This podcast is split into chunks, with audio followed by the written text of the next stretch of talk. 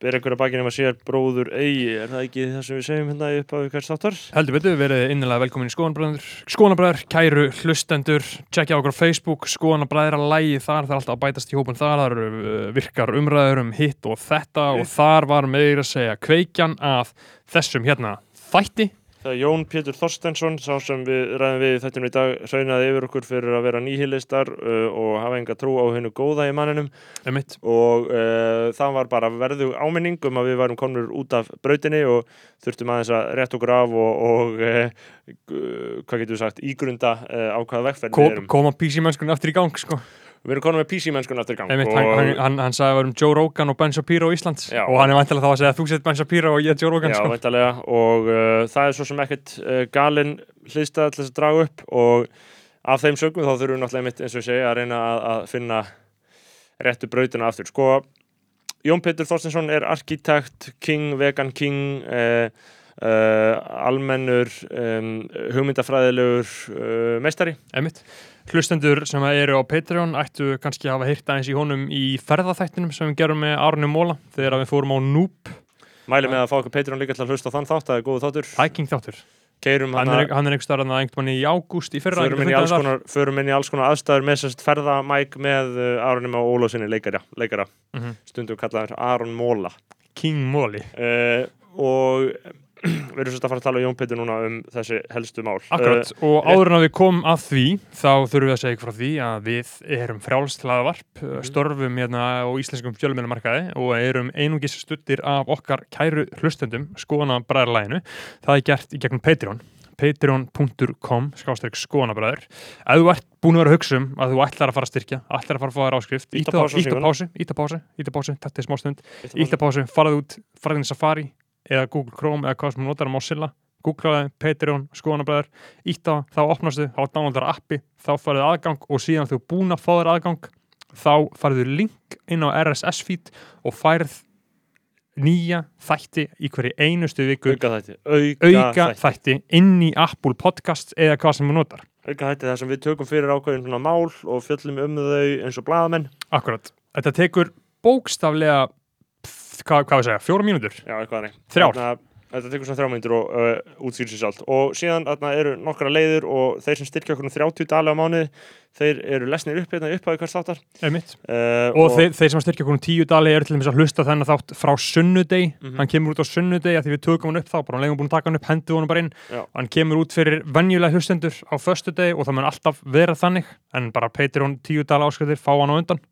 Uh, það eru sem sagt uh, aðalsteinn, nei, sagt, helst ber að nefna sagt, tvo styrta, kongana það eru sagt, Jóhannes Haugur Jóhannesson leikari og meistari og Tandri Snær Traustason meistari. Tveir bara mestu meistrar lífsmíns ég, hug, ég hugsa um að þegar ég vakna. Ég hugsa um að þegar ég sopna þeir eru beinlega að borga okkur fyrir að framlega þetta efni. Þeir Mhm. borga okkur 100 dali á mánuði hvort þeir voru keppni en eru nú búin að vera jafntefli ansi lengi. Já. það eru skemmtilegt að sjá hvernig það þróast þessi Kings styrkja okkur hvað mest af öllum og þeir gera hvað mest fyrir flálsa fjölmjölinu á Íslandi Akkurat. Eh, Um, Tandri Snær svaraði að við, við, aðna, við gáum út hvað hann vill að við tölum um sig sko. Hann Hva, hva, vita hann hann, hann hefur ekki látið sér vita þannig við höldum bara- áfram að benda á Instagram Ja. Tandri Snær uh, Mikil King, Tandri Snær Traustason checkja hann á Instagram, checkja hann á Facebook já Jó, Eh, Jóhannes Haugur checkja honum bara í öllum helstu Hollywood myndum landsins, hann líka var með, var með gott komedi í gangi á Instagram, hann var að lesa svona, hann le- le- le- var hann ekki raunverulega að lesa auðlýsingar Jú, ég held að hann bara, hann bara postaði svona behind the Já. scenes sko. það var skemmtilegt Annars eru það Aðalsteit Stefánsson, Benedikt Bjarnason, Björgvin Ívar Baldursson, Brynjar Guðmundsson, Erik Ólaf Eriksson, Geoffrey Huntington Williams, Hálfdán Sveinsson, tónlistamæðurinn Dörp, Kristoffer Daði, Naflaus Kona, Sigur Stefán Bjarnason, Sturla Snorrason, Önnur Naflaus Kona, Sverrir Jóhansson, Tindur Kárasson og loks Áskumir Gunnarsson og Úlfur Árnason sem styrkja okkur um þessa 30 dali á mánuði. Viðing á öll þessi nöfn Þið gerið hvað mest fyrir fölsafölminn á Íslandi eh, af öllum. Og eh, að þessu öllu sögðu þá viljum við bara vinda okkur beint í þennan ágæta þátt með Jóni Pétri Þorsteinsinni þar sem við förum yfir allt að helsta og eh, erum mjög ferskir á því og jákvæðir aftur, komnir aftur í PC squad, komnir aftur um borð í Fokk vestina. já maður. Herru, takk fyrir þetta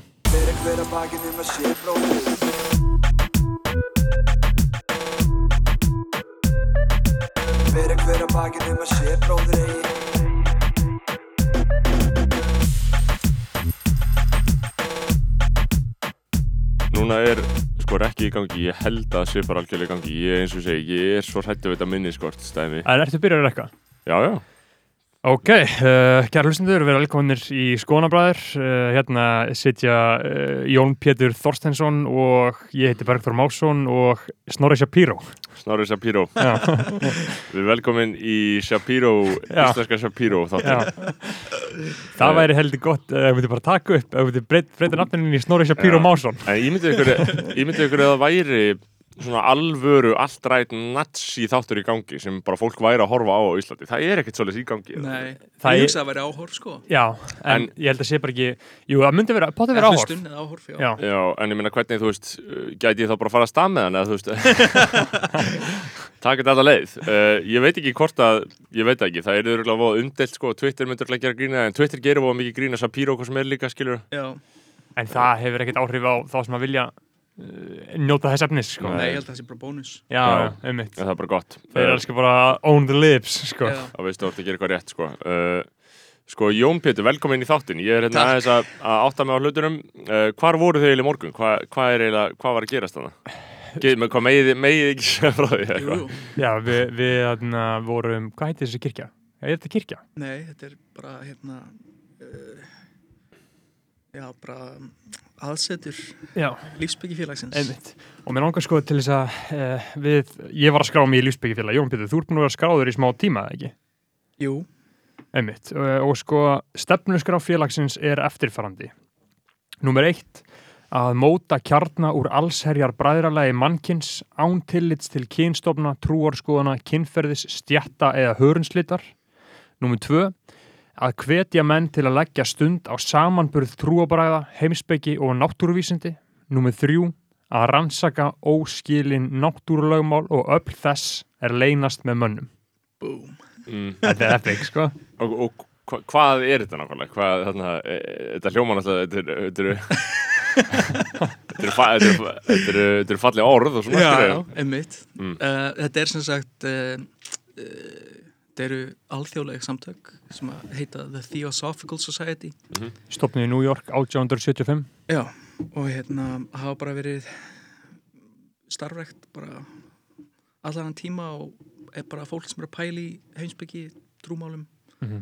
og mm, hvernig það tengist sko. Já, og ég, þú veist, ég er ekkert ég er, mæti stundum einhverju viðburði og, og svona er stundum eitthvað aðeins að kíkja að inn en, en núna vorum við sem sagt að byrja með hugleislega hóp við Beggi já, á vegum, vegum Já, hvað svona, Lífsbyggjafélagsins. það? Heitir Lísbyggi, það hét Guðsbyggifélagið Já, ég veit þegar Já, Sofíkar, einmitt, og Já. mér finnst það eiginlega betra nafn. Guðsbyggi, Já, já.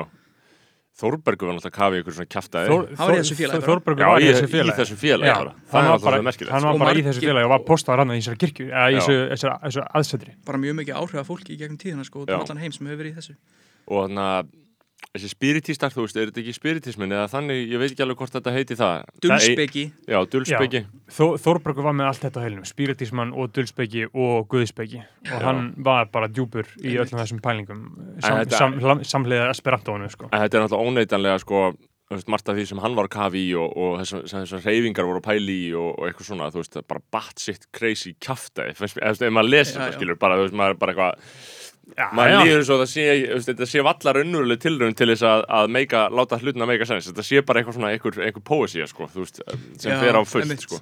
Já, já, ég, veist, ég, meina, ég ekki að ég sé hérna, einhver skeps, með einhver skepsis á, á þessa veist, veislu, það, það, það er í númið þrjú það sem er verið að rannsaka óskilin náttúrulögmál og öll þess er leynast með mönnum. Mhm.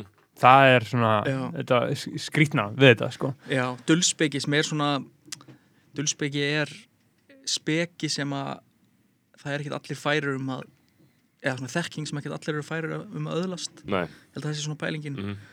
og ef þú veist eitthvað eins og tekur upp einhverja bók og, og ert að lesa eitthvað veist, það er ekkert gert ráð fyrir að þú náir inntækinu. Svona Nei. svo að lesa skilur bókinu um veginn.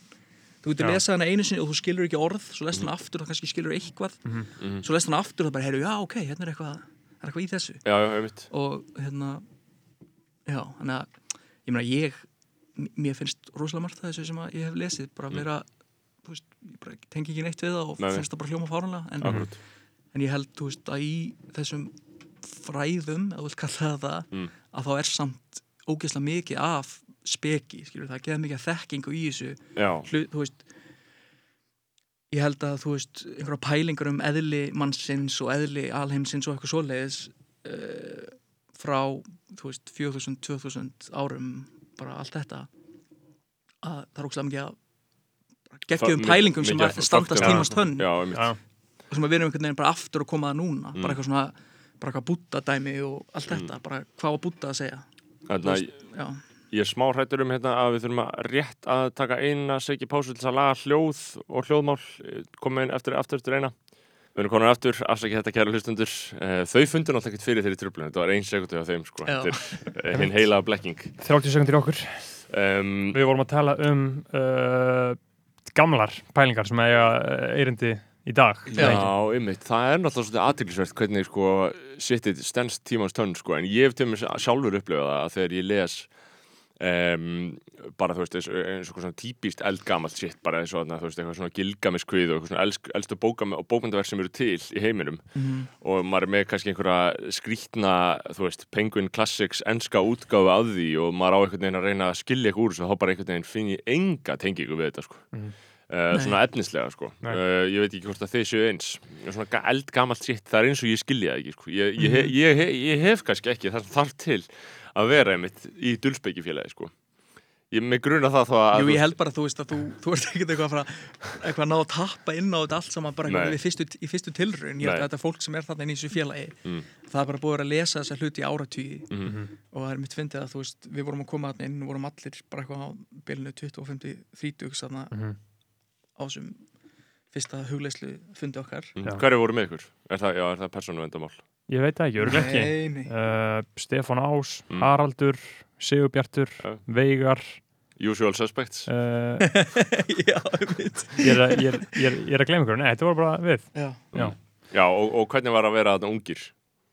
Það er bara geggjað Já það, veist. hitt, hittum tvo gamla kalla sem voru að koma inn á eftir okkur eitt sem kom fyrst og síðan einn þau Mér finnst gefa mjög þetta vikt sko, mér finnst gefa þessu ákveðna vikt að Þórbergur hafi verið í þessu saman félagi sko. mér finnst það svo mikil Og- falleg samfella sko. og það er sko epist bókasafn uppi bara, Já, það. það. þau eru bara með sér bókasafn með svona, uh, spiritisma bækur sko og eins og vorum að tala um að maður finnur ekki tengingu við þarna eitthvað svona gamalt sitt eða, eða hvað sem það er, þá fer það bara veist, það er alls konar, það er svo mikið líka sérstaklega í núna í dag, þá er svo mikið af fölskum spámunum í þessu, Já, gaur, bara fucked up, kjaftaði Algjörlega. Bara númer- einhverja Númer Nú- eitt á meðsölu listum öllum er þarna lífsbiblían. Lífsbiblían. Það er svo epist Já. sko, að þið séu að selja þetta Mók selja þetta það, sem að mér finnst sko eiginlega bara það allra aðteklisverðasta við það heila koncept er að þau keirðu ekki á markaðsetninguna í jólabokaflóðinu þau keirðu á þetta bara núna í janúar. Á nýja ári. Þegar allir vilja rífa sig í gang. Já, þá settu þau strætóskílun þá byrjuðu þau að bústa á Facebook. Þá byrjuðu þau að keira áráðursvélarnar í gang. Mm. Mér finnst það magnað, þú veist, bara markaðslega séð bara vel gert hjá þeim, sko. Mhm. að, að það, gera það er smá munurinn á, finnst mér, á einhver svona eins og lífsbiblían eða Jordan Peterson eða eitthvað svona Mhm. að horfði, því að segja Jordan Peterson horfði á snorra Mm. hérna, ef- Sérlegu talsmaður Já, einmitt, Já. hérna, munurinn á því og einhver eins og duls, hérna, lífsbyggjafélagið er að lífsbyggjafélagið lofar sagt, gefur, ekki, gefur sér ekki út fyrir að vera með lausnina fyrir þig Nei, en Jordan Peterson er bara, getur bara græja lífið með einhverjum Mhm. 12 bullets Einmitt. og, og eins og ég, ég efast um að hún hérna hvað heitir þessi bók, Al, Lífs al, Aldakar. Al- og lífsbiblían hún hún segist vera með einhverja lausnir Mhm. en ég meina þetta er ekkert sem þú getur ekki fundið bara eitthvað á bara eitthvað bara inspiringquotes.com Þú veist, Þetta er bara sami sko hluturinn Já, þetta er bara sami hluturinn Já, Mhm. og, og hún hefur örgulega eitthvað fram að færa skiluru, en Já. um leið og hún er, er farin að hérna, segjast að vera með einhver svör fyrir fólk Mm. að þá er hún þú veist, það er óumflýjanlega þá svona virðist hún vera einhver svona charlatan eins og hún sé að þú veist, einhver snákóli sölumæður Mm. En ætli maður þurfi ekki samt eh, bara, svona, hugsa bara um nálgunna ætli maður þurfi ekki bara einfald, þurfi ekki bara einfallega að nálgast fólk með þessum hætti ef maður ætlar að ná til þeirra með svona, svona víttækum hætti, skilur þú, þá verður bara náttúrulega að nálgast, bara að gera þetta með þessum hætti sem þau eru að gera þetta, Þetta, skilur. þetta, snýst allt bara um markasetningun eins og Tony Robbins hafið séð I am not your guru heimildmyndir á Netflix Nei. Þú veist, það er hann bara að taka fólk og öskra á það og segja þeim að þau eru ríuts í gang og þú veist, fólk er að fara á svona 10.000 dólara retreat til hans að læra að taka sig á í lífinu og eitthvað. Og hann er með svo áhverð teik sko, að hann, hérna, uh, hann blótar ógeðslega mikið og er geðið maskulinn með þetta Já, að því að allt hitt svona jóka huglauslu það að vera svona kettlingahjál skilur en hann er HGH kjálkamaður Já. Og, og öskrar á þig og blótar, segir fucking öðru hverju orði sko. ég held að það væri ekkert eitthvað alveg ólíklegt til þess að virka peppandi á mig á einhverju tímabúti, skilur ef, Ég- maður, ef maður myndi fá þetta, skilur já, ég, ég, ég, mæli með þessari heimildmynd á, á Netflix sko. Mm. þetta er svona eitt, eitt stórt pís sko. ég horfði á byrjunum á hann bara um- bara um daginn sko. En já, það er allan eitthvað í fólki það er allan eitthvað í fólki sem, sem uh, þú veist sem er tilbúið að borga fyrir þetta þú veist, þetta er ekki eitthvað mikið peningur en sækir í þetta, leitar í þetta og, Algjörlega. og maður finnur alveg hjá sjálfum sér stundum að maður vill lesa eitthvað er einhvern hendar huganum hans einmitt þarna Mhm. að heyra það, skilur Þú Ég held að alla svona pælingar Mm. bara, bara svipað, bara með bara trúabröð og svo leiðist. Þú ert bara með einhverja svona bara einhverja svona innate ósvaraða spurningu í Mhm. haustum að þér sem er bara er hann alltaf bara eitthvað svona og þú veist ekki eins og hver spurningin er en þú veist að þannig að þú ert að leita, ert að leita að spurningunni mm. en þú ert einhvern veginn að finna svör og gá hvort það séu svörin við þinni spurningu Mhm. og svo er einhver svona karismatik fígúrur sem að lofa að, að, að segja að þau, þau séu með svörin Mm. fyrir þig og ég meina huglega fullt af þessu fólki með einhverjar góða pælingar en Já. þetta er ekki kannski einhver svona patent lausnir en maður hugsa sko að veist, þessi leitin að svörum, skilur þessi hræðilega langa, langa leit Já. skilur, sem bara blasir við að við að, að bara, er bara það sem býður okkar næstu, langi ósigurinn. Langi ósigurinn þessi, þessi, þessi, þessi langa röð ósigra sem býður okkar. Uh, þú veist e- ef maður gefst, þú veist, ef, að, ef við tölum um að það sé einhver svona blekkingum ef við höfum eitthvað spurningu og hvort sem það er blekking eða ekki, sko, þú veist, er uh, er þá ekki algjör ósigur, er ekki hinn eini sanni ósigur að gefast upp á leitinni, eða, ég held það. Jú, sko, og málið með allar þessar sjálfsjálfa bækur og sjálfsjálfa podcast og YouTube-myndbönd er að það er svo mikil græðki það er svo mikil græðki að fá þetta núna. Já. ég vil að aldakarinn segi mér tíu reglur lífsins núna. Þetta er svona blinkist sjálfsvinnu. Já, þetta er þetta, þetta er það. Í staðin, í, staðin, í staðin fyrir að bara reyna eins og skipulegja rúturinu en svona líf, fara til sálfræðings huli eða lifta og eitthvað svona þá viltu bara fá eitt YouTube-myndband núna Já. og þú bara færð upplómuna og ég meina, ég bara hef oft lent í barðinu lent fyrir barðinu á því til dæmis bara eins og þarna, helsti svona uh, nútíma gaurin eða svona tiltölu nútíma svona 2000s eitthvað er uh, Eckhart Tolle. Hann er vist king sko. Ég hef lesið tvær bækur eftir hann. Og hann er frekar mikill king sko, sérstaklega hlusta hann hljóðbók hann tala skemmtilega, hann er með svona rosalega sögum var svona heimsbyggi professor eða eitthvað í uh, Breitlandi, ætla að drepa sig fokking þunglindur á því, var bara sittandi á bekk ætla að plaffa sig og síðan bara enlightenment, enlightenment. Og bara fann lausnina og skrifa þessar bækur og allt svona. Og það sem ég lendi í sko með bókina hans uh, krafturinn í núinu, Power of Now þá var þarna, þegar Unnsteinn var þarna í þættinum okkar uh, þá einhvern veginn kom þessi bók upp. Eða hvort það hafi gerst off-air, ég manna ekki alveg hvort það við talaði í þættinum ekki. Og þá sagði hann sem sagt að pappi sinn hafði sagt uh, að því hann er svona veit rosa mikið um búddisma og eitthvað svona bara, bara alveg shit. Hann sagði bara já, allt þetta shit er svona svolítið mikið kæft eða eitthvað en ekkert tolle, bara svona, það er þú veist, það er hlunga shit. Mm Mhm. það er alveg shit. Og ég hef alltaf verið sko fyrir þetta svona 2-3 mánuði bara í sundhöllin okkur með þessu degi. Og þar er annar fastagestur í sundhöllinni sem er með The Power of Now, flúra á bringuna sér Nei. risa stórt Power of Now, bara flúra á sig. Og ég hef alltaf síðan að guður hugsa bara, ok, wow, það lítur að vera einhver veislu bók það lítur að vera bara episk shit. Og ég hugsa bara, wow, ég verður bara að uh, lesa þetta eitthvað, en gerði þetta aldrei. Og síðan sagði unnstendina með bókina, þannig ég var svona, ok beint þetta það fór ég síðan í sundaginn eftir, sá aftur Power of Now gæjan, bara í sáninu, alltaf labandum hann alltaf í sundöllinni og síðan downloadaði bókinni inn á Kindle, las hann á Núbi kært. uh, las hana sem sagt á Núpi uh, þegar ég og Ísak fórum einum degi fyrir og undan okkur, við vorum tveir, ég var allan daginn, las hana bara í heilan dag, bara fucking Geðveikt. bingja hana. Og það er ógísla peppar og þú veist, að því að bókin er að selja það að þú veist, þú getur losnað frá öllum sásaka lífsnis, það er svona svolítið uh, trikkið í henni og ég var bara að lesa hana alltaf og var bara alltaf, ok, vá, þeir var búin, þeir var búin, tjóðu þessi fucking veistlega verið þetta. Þá, þá hugsaði ég alltaf að ég myndi loksins vera orðan frjáls frá sásakanum Mhm. uh, og síðan kláraði bókina hann á kvöldið. Og það gerðist ekki neitt. Nei, það, það bara, það gerðist ekki neitt. Sem að uh, var mikill dagger sko. Já. og var rosalega leðilegt sko uh, og síðan fór ég við, fór ég í sálfræði tíma og sagði henni frá þessu sko. Uh, af hverju og ég, hvað ég orðið fyrir miklu vonbröðum að hafa ekki frelsast eftir að lesa þessu bók. Og þá sagði hún bara, já, þú veist taktu núna bara heilt ár, haldt áfram bara á þinni braut að vinni þér og eitthvað svona og lest hann síðan aftur Mhm. og sjá hvað gerist þá. Og ég bara, já, það meika sens og síðan var að við alltaf vera eftir þetta að, bí, að reyna að hitta of Now gæjan í sundhöllinni aftur til að pulla upp á hann og segja hann bara, hei, gaur, þannig að, þú veist ég las bókin út af þér og var svona alltaf búin að reyna en hann var alltaf að tala um eitthvað annan þegar ég ná aldrei að ta- ná, ná, ná aldrei að hitta á rétta moment fucking beta. Já, ná, ná aldrei hitta á rétta momenti við hann.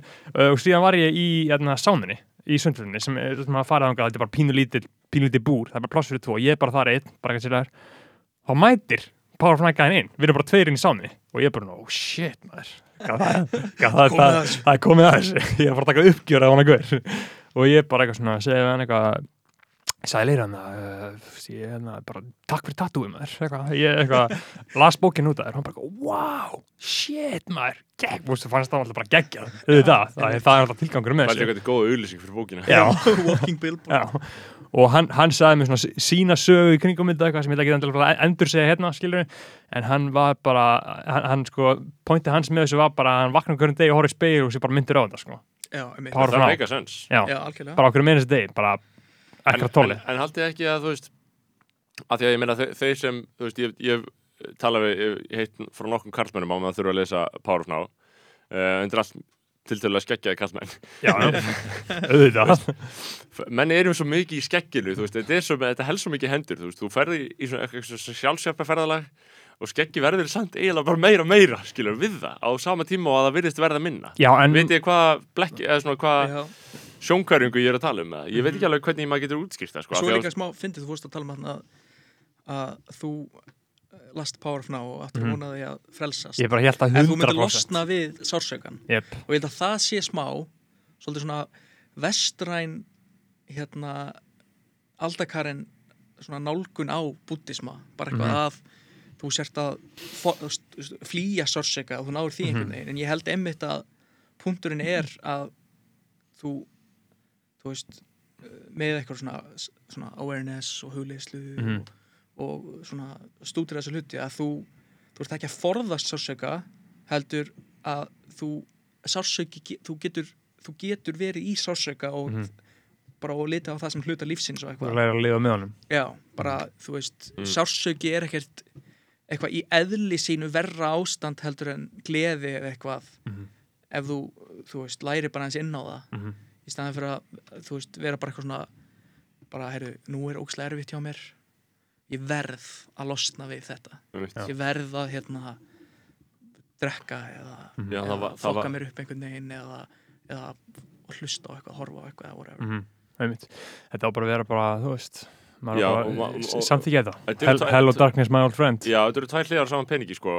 ég, ég var að mynda að lesa viðtala baksíðu mokkans í gær við konu, Úrsulu, 90 ára sem er sko frá Þýskalandi upprunalega var hérna náttúrulega fættur eitthvað í kringu 30 15 ára þegar setni heimstyrildin er kemur sér til Íslands hluti á þessu, ég veit ekki hvort það hafi séð heimildamindirnar af þýsku konunnar sem komu auðvitað sem vinnukonur eftir stríð í Þýskalandi. Og hún er bara búin að vera, bara búin að eiga hakk líf, bara flutt sér til eiga og gósi kom og bara, veist, og hún var að mynda að segja bara uh, þú veist, séðan dó maðurinn hennar á einhverju krabbamenni, sonur hennar á einhverju krabbamenni og hún segir bara, lífið er aldrei eins og mann langar til að sé. Amma mín kendi mér að sá sem þekkir ekki sorgina, þekkir heldur ekki gleðina og lífið heldur alltaf áfram. Því ámaður ætti að vera bjart sín. Voninu betra líf heldur okkur gangandi og hún held okkur á lífi á stríðsárunum. Þú veist, þetta er alltaf óskiljanlega mikil reynsla sem er að tala, skiljum. En þetta er alltaf fakti, þetta verður alltaf, þú veist, lífið er alltaf að fara að vera bara freka mikill Já. ósigur. skilurðu. algjörlega og, og, og, og hérna, við sem búum eitthvað í þú veist, bara við allsnæktir bara eitthvað, Mm. bara Já, bara, bara átfittið sem að maður er Já, í er meira en skilur bara eitthvað heilt þorpi sem löndum er, er, er með í GDP Mhm. Jep. en, en samt er maður bara eitthvað af hverju lífið mér svona illa, af hverju finnst mér svona erfitt Og okkur er svona fátækur. já, Já. já, einmitt, og, og bara eitthvað að fólk maður, jemen maður, allt í hakki þar en þau eru bara eitthvað að, halda áfram og akkur, akkur lífið mér svona illa Mhm. eitthvað en máli er að þú veist þú getur farið hvert sem er í heiminum eða farið á hvað í punkt í sögunni sem er og ég held eitthvað að, að, að með einhverjum tæknilegum framförum og eitthvað svoleiðis að þá er ekkert eitthvað svona max möguleg hamingi eitthvað að aukast. Dæmi. þú veist, ég held að hérna, og, og fólk sem er í einhverjum stríðsvæðum eitthvað svoleiðis að, að það er ekkert með eitthvað lærri hámarks lífsfyllingu heldur en, heldur en við. Eða, eða lægra það getur alveg farið í jafn gott skap. Já, og, og getur liðið jafn illa en við en það er náttúrulega allt í bara einhverju svona samhengi við það sem að þú ert vanur og svona. Já, og ég man að hérna, var kennari sem kendi mér í, í hérna listaháskólanum sem var að tala um að, að hérna, það var gerð einhver svona rannsókn á hérna bara eh, já, bara á, á hérna hvernig eh, hérna, konum í flóttamannabúðum einhverstaðar í Afríku, ég man ekki alveg hvað það var bara hva- hvað, hvað voru svona þeirra helsta áhyggjuefni og svona hugarefni einhvern veginn. Og þetta voru bara konur sem voru með börni sín í einhverjum flóttamannabúðum og það voru að spyrja það hvað hva hvað er ángraðið mest? Og þær eru bara eitthvað ég bara skil ekki okkur hann fór frá mér. Mm. og það er, þetta er bara sömu þetta er bara sömu hlutir Mhm. og, og, og einhver kona í vesturbænum eða einhver, einhver kalli gráin með að pæla. Þú veist, við erum öll við erum öll bara í einhverjum mismöndi kringustæðum en okkar geta til þess að finna til hún er rosalega svipuð allstaðar Mhm. þú veist, nefnum sett sociopati eða hagfræðingur, skilur við Já, þú veist þannig að já, en, en, en þetta er einmitt og síðan er sko uh, vestrætt kapitalismi og rattreysi búið að selja manni þannig það að það verði svo fucking epist þegar að þetta gerist. Og Já. þegar að þetta gerist og þegar hún er þessum ánangur og þegar þetta. Þetta er eins og bara það uh, ég var sem sagt í fyrradag uh, að keira upp í sögumbústað með Byrni og hann var að gefa út lag og ég líka bara sem útgefandi lagsins og framleiðandi myndbandsins bara var nummer eitt á YouTube og nummer eitt á Spotify bara vinsalasta lag á Íslandi, nýbúin að gefa út. Algjörnegla já, bara veislulag, allir bara fokking ánæði með þetta, bara geðið, bara rignir inn einhverjum kommentum og lækum og allt Byrnir þetta. að koma til skápnum bara, Byrnir og Tommy. Já, já, og þú veist, allir bara geðið og við bara, þú veist, við erum búin að vera að stratta þessa útgáfa núna bara í nýju mánu bara eitthvað síðan, bara í byrjunum síðan sumas endalust að pæla í þessu loksins upp, er uppskýra núna. Og við vorum bara að keira bara eitthvað upp í sögumbústað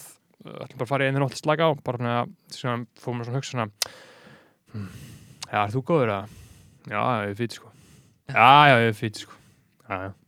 Skilur, en hugmyndin um að þetta er sem að væri til að selja einhverjum væri að þú veist, þegar þú gerir þetta þegar hún er einhverjum svona hvað, í rauninu bara eins miklum árangur hættir að ná í tónlist, Mhm. þannig séð í poptónlist á Íslandi vinsældum leða séð að þá væri bara að poppa kampaðinn og fagna og þá er líðið loksins orðið skemmtilegt og loksins orðið indislegt en þú ert að díla við nákvæmlega sama shit þetta er allt sama, þú veist, Mm.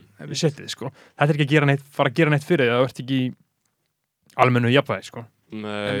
Og þetta prítsar ekkert tolle sko. Að, Að það, skip, að það skiptir engum máli hvað þú ert að gera veist, í hverju það lendir snýst bara um hugafar sko. það snýst bara um hvernig þú ert inn í líkamannaður sko. Ég held líka að, að veist, við erum í dag eru á svona og hefur potið alltaf verið en þú veist, þú, þú ert alltaf þú þú veist mikla áhyggjur af hvað öðrum finnst um þig Mhm. og, og hérna þú veist, það er bara, þú veist, það er örugglega alltaf verið þannig en nú er bara búið að hanna, skilur öll kerfin í kringum það Jep. sem að geta, þú veist, tappað inn á þessu Sta- orku staðfesta já, appearancein sko já, já, emitt og þú ert einhvern veginn alltaf að markasetja þig einhvern veginn, þú ert með eitthvað bio sem þú setur inn á Twitter eða Instagram eða eitthvað Mhm. mm -hmm. svo, hvað hva, hva, hva er svona skilgrinni mig Já, já, hvað er ég? Já, já. Og bara hvað, hvernig er ég að marketa mig, já ég er vegan, ég er eitthvað svona Mhm.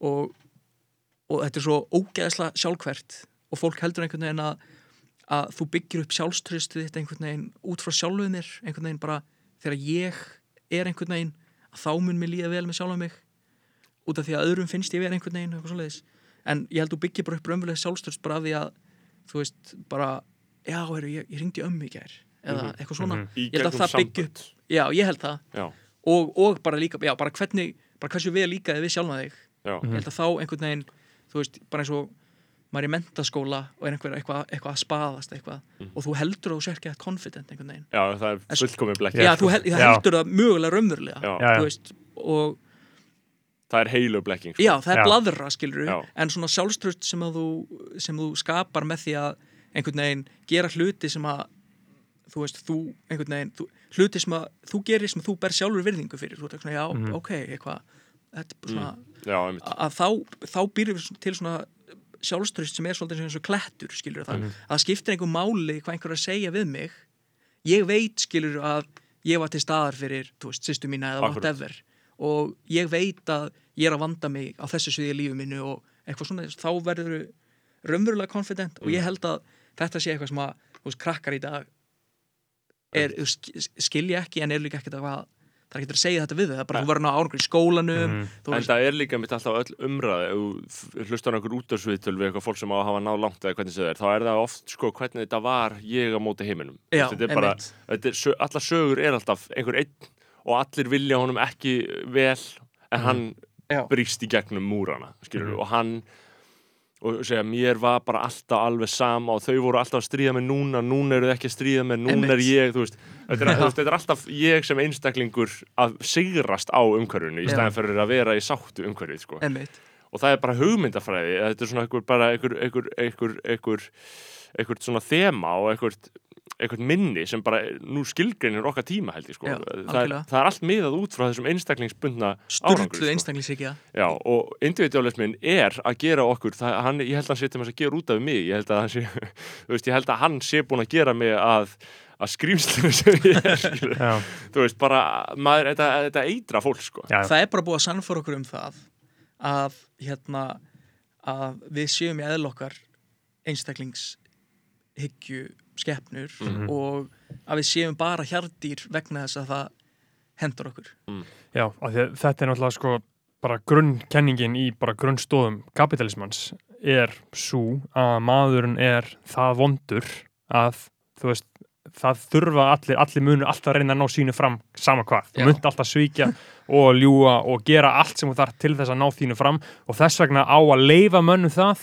og síðan er það trickle down economics á, á hitt Já, þeir munu að út af því að þeir eru gráðir og hugsa um Já. sjálfa sig að þá munu þeir hugsa samt ok, ég Já. græði út af því að ég get gefið þessum hérna mm Mhm. veitt honum einhverja þjónustu og hann mun þykja þó þjónustu vegna þess að það hendar honum Mhm. og þannig er eitthvað svona, eitthvað svona samlegar áhrif Já. sem að skapa á endanum bestu mögulegu niðurstöðuna í samfélaginu einhvern veginn Mhm.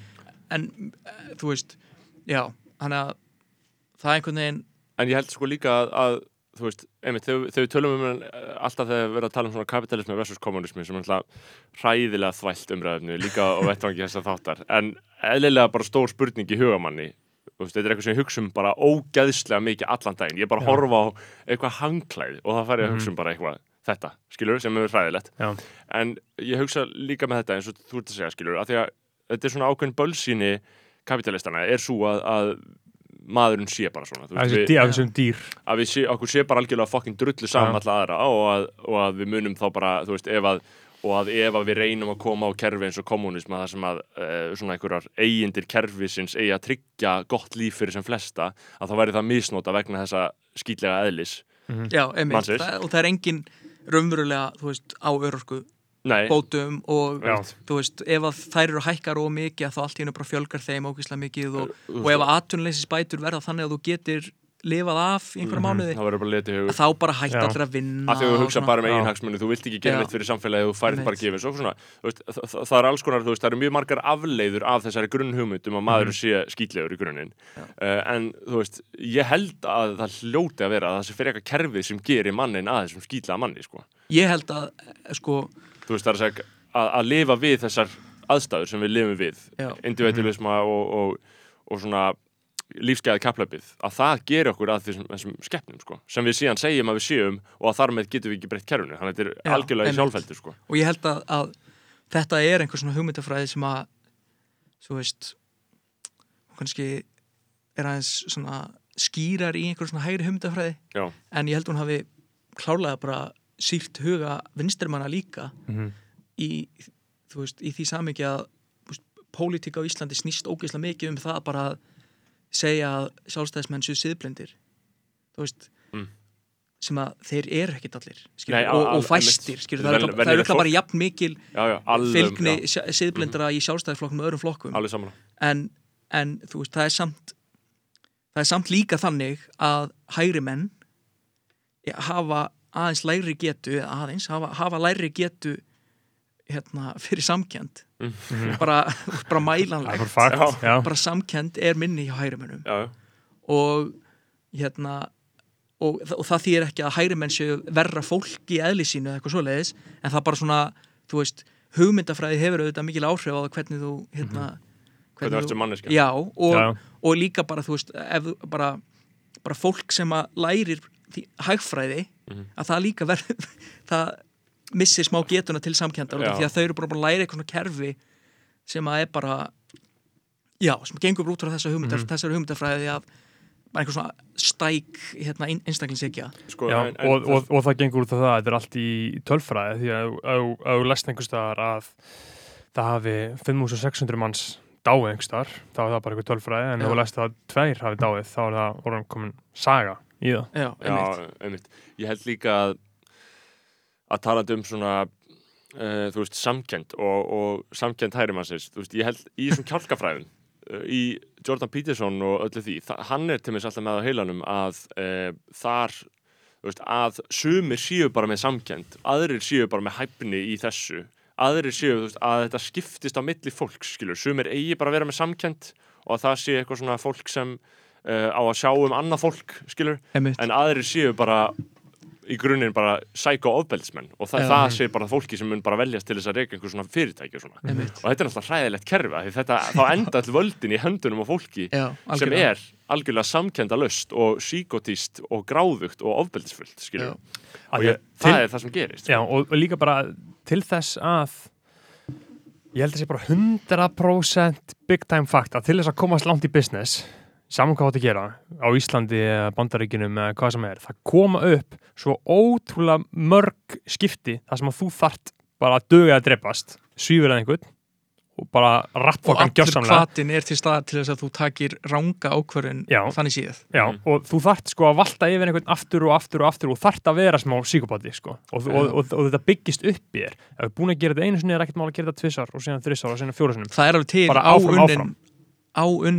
sko svona já, svona socio Já, hérna, ein- einhverja kendir en, en það er ekki, þú veist, klíni þú ert ekki klínist sociopati já, en þú bara, Þú þú ert bara búin að ferð vera í að þannig umhverfi. verði ekki, Já. já, ek, þú veist. Já, 100% ég meina þú veist, þú ert kannski bara við vitum það sjálfur ef maður er í einhverjum strákahóp í skóla eða eitthvað og það myndast einhver þetta er eins og þarna, hvað heitir bókin þarna um eiguna, það sem eru á eigunni þarna, Lord of the Flies Lord of the Flies, skilur, þetta er bara það, skilur, þú myndast bara einhver fucked up stemning Já. og Já, en þa- það, finnst þú að minnast á þetta þegar ég las bókum daginn hérna, sem heitir Humankind eftir Rutger Bregman sem að, sem að hafði, þannig að þegar ég var að rósta ykkur á hérna, Já. spjallinu já, við erum að var- að fara betur hérna, Já, að það, taka það, var, það er rosalega hérna, litað af því að ég er nýbúin að lesa þessa bók Já. því að hann Mhm. er rosalega mikið að koma inn á þetta með eðli mannsins Mhm.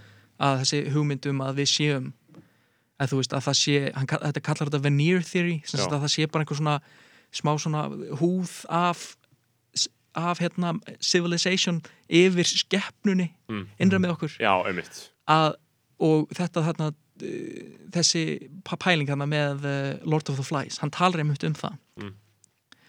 að, að hérna við einhvern veginn trúum því að þetta muni gerast. Já, en svo bara ekkert sem bendir til þess að þetta myndi gerast. Nei. Og hann fór að the Flies, þannig að við útskýrum það þá er það ég hann að þeir eru nokkri strákar hérna á einhverju eigu eða eitthvað. Já, þeir eru hérna einhverju svona, eða svona posh hérna, skólastrákar sem Já, að lenda á einhverju eigu og þeir byrja bara að gera fucked up shit og byrja á einhverju svona træbal Já. morð, myrða hver annan. Já, til, til þess að lifa af á eðinu Já, ég man ekki alveg hvernig, man alls ekki sögutráðin í þessu, en ég man að þetta var eitthvað slæmt, já.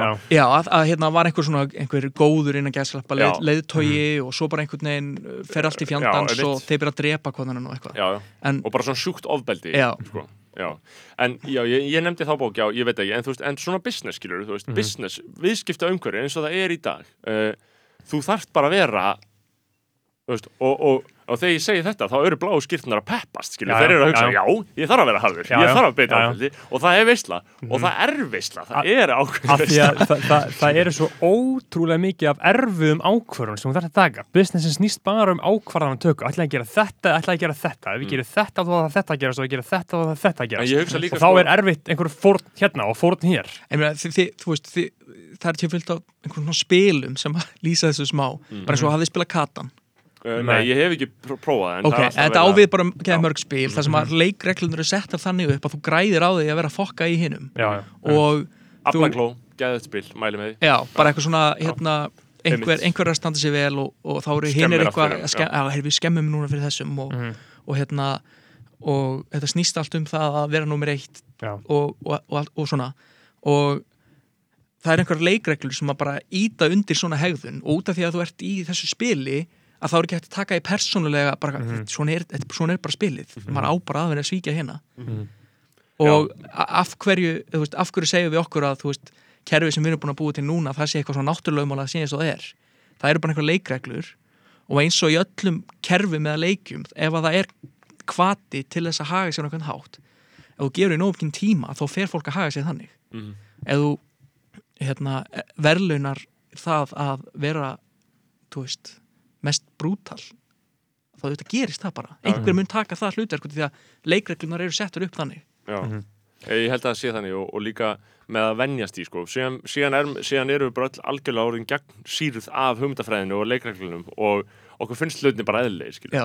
ég les bara eitthvað reisastort opnu við tala Jón Ásker Jóhannesson og lí, það sem hann að lýsa eitthvað hann að gera Já, já, og ég er bara eitthvað hm, hm, hm, og hann er að tala um eitthvað svona já, ég vil bara fara í aðeins aðra átt með félagið. Það því ég bara reka tjóðs manns Þú bara, þú veist, hann bara, þú veist, Einmitt. það er bara tjóðs manns missa vinnuna og fara að borta gattinn skilur Já, þú veist. Það er bara, maður, maður er svo vanur þessu bara, já, þú veist, leggja þetta niður, Já. leggja hitt, þú veist, bara eitthvað starfsemi sem er í gangi og allir eru ánæði með, bara því að þetta er einhver spurning um krónur og auðra fyrir einhverja hluthafa, skilur, Já, einmitt þú veist, ég myndi valdið sem felst í því, Já. skilur, að fokk upp lífið fólks. Einmitt. og, og hvernig þetta þróast ég er náttúrulega uh, þekki þetta ákveðlega því að ég var í Vestló þið voru í MH og MR og þetta er náttúrulega þú veist, alltaf miklu yktara í Vestló þetta er bara, þú veist skólastofunar hérna einmitt. alltaf svo ógeðslega sjúkt skó, hverju sponsor er það? Hagkaup, brim, Eimskip, pottið einhver stofa sem heitir Samherji sko. ég var alltaf í Eimskip sko, mar marmarastofa sko. og það gaur, ég hefði verið til í eitthvað svona vestló drama ef einhver svona, einhver PC, að það er komið, það er komið svona svona PC, svona festi, P- það PC vangur Vestló já, já, já, eins, eins og er vinstri vangur Já, sjálfstæðisflokksins og það, þá er, ef þau hefði farið sko að eitthvað svona krassa yfir samherja í Vestló þegar það gerist. en, en, en, en það sem ég er að segja sko, eins og við varum Vestló, bara hvernig svona völd færast í samfélaginu uh, af því að við búum líka í landi og heim sem hefur kúa konur í 6000 ár, skilur Mhm. þannig að þetta er alltaf bara kalla, þetta er alltaf bara gaurar skilur Mhm. þetta er alltaf bara gaurar sem að gera allt skilur og síðan alltaf bara undatekningar stelp, stelpur í einhverju, allan að ég var, ég var í mennskóla ég þekki ekki alveg hvernig það er í dag með grunar þetta hafið voða lítið breyst sko þar voru menn bara, þú veist, þú veist það er bara hefð í, í Vestló að það voru alltaf bara gaurar með eitthvað svona svo kallar leini félag það sem að þeir bara eitthvað rattfokka alla í nefndafélaginu fyrir sína eigin hagsmenni bara stá- fallega og svona geðt skýr byrtingamynd af svona Já. einhverju dullinni elítu já, já, já, og ég held Það var að bara bókstara gert. Já, já, þetta, er bara bókstallega gert. Já, bara, og ég er bara að whistleblowa þetta núna, skilur, að því að mér er alveg sama þú veist, þetta, þetta var viðbúrslegt að þetta þá bara bein landlína upp í Valhöll. Já. Og, og, og, rauður sími. En, en ég, ég man líka aftur því, sko, þegar ég var í Vestlóa ég hugsaði ekkert um pólitík, ég var ekkert meðvitaður um sko, ég rétt svo, jú, hvað er hæri, hæri, hæri og hvað er vinstri og eitthvað svoleið sko. Og, og ef þú ert þannig, þá er svo rosalega létt að ná þér yfir í, til nasista aflana til sjálfstæðisflokksins, að ég mann sjálfstæðisflokkun var alltaf bara að halda einhver bjórkvölda bara, hérna, bara bjór, hérna, uh, hérna hambúrgarar og pizza og þú veist, og þegar þú ert bara gaurið svo ég var hérna bara, gjörsamlega sama. Var bara að hugsa um bara djamma og fara bjórkvöld skilur þú, hlusta á rapp og, og, bara, og brandið beggi. Já. Já, einmitt, Já. og bara svona, hvernig ég bara svona presentaði mig fyrir heiminum En ef maður þá- hugsa líka um hvernig maður getur sko flext inn í bara einhvern, einhvern þarna, niður í eitthvað bara svona sók, skilur eins og bara, þú veist, bara Hannes Holmsteinn, skilur Mhm. hann er bara svona cirka vinstri samvinnu reyfingar heimili, skilur Mhm. var, hef, var, líst hann einhverju viðtalum daginn, skilur og svo byrjaði hann eitthvað bara eitthvað að lesa mokkana þegar hann byrja hann út, svo fyrir hann í MR, lendir bara í einhverju félagskap. Mhm. og verður sem bara mest psycho king hægri hugmyndafræðingur ever, skilur Já. þú veist, af vinstri heimili, skilur, þú sogast bara inn í eitthvað bull, skilur Mhm. uh, mér finnst það epíst dæmi, sko. og síðan bara 20 ára setna en halda stjórnmála skóla sjálfstæðisflokksins. Já, um, það er náttúrulega rosalegt að Já, þessi að þjálfa. Já. það er smá fyndið, þú, hérna sko, sér, sér hérna við Áslegu Örnu Mhm. og hérna Guðlög Þór Mhm. að því tala nákvæmlega eins í viðtölum ok, haldið að þetta sé rétt að þið fari í eitthvað skóla, þú veist Já, já.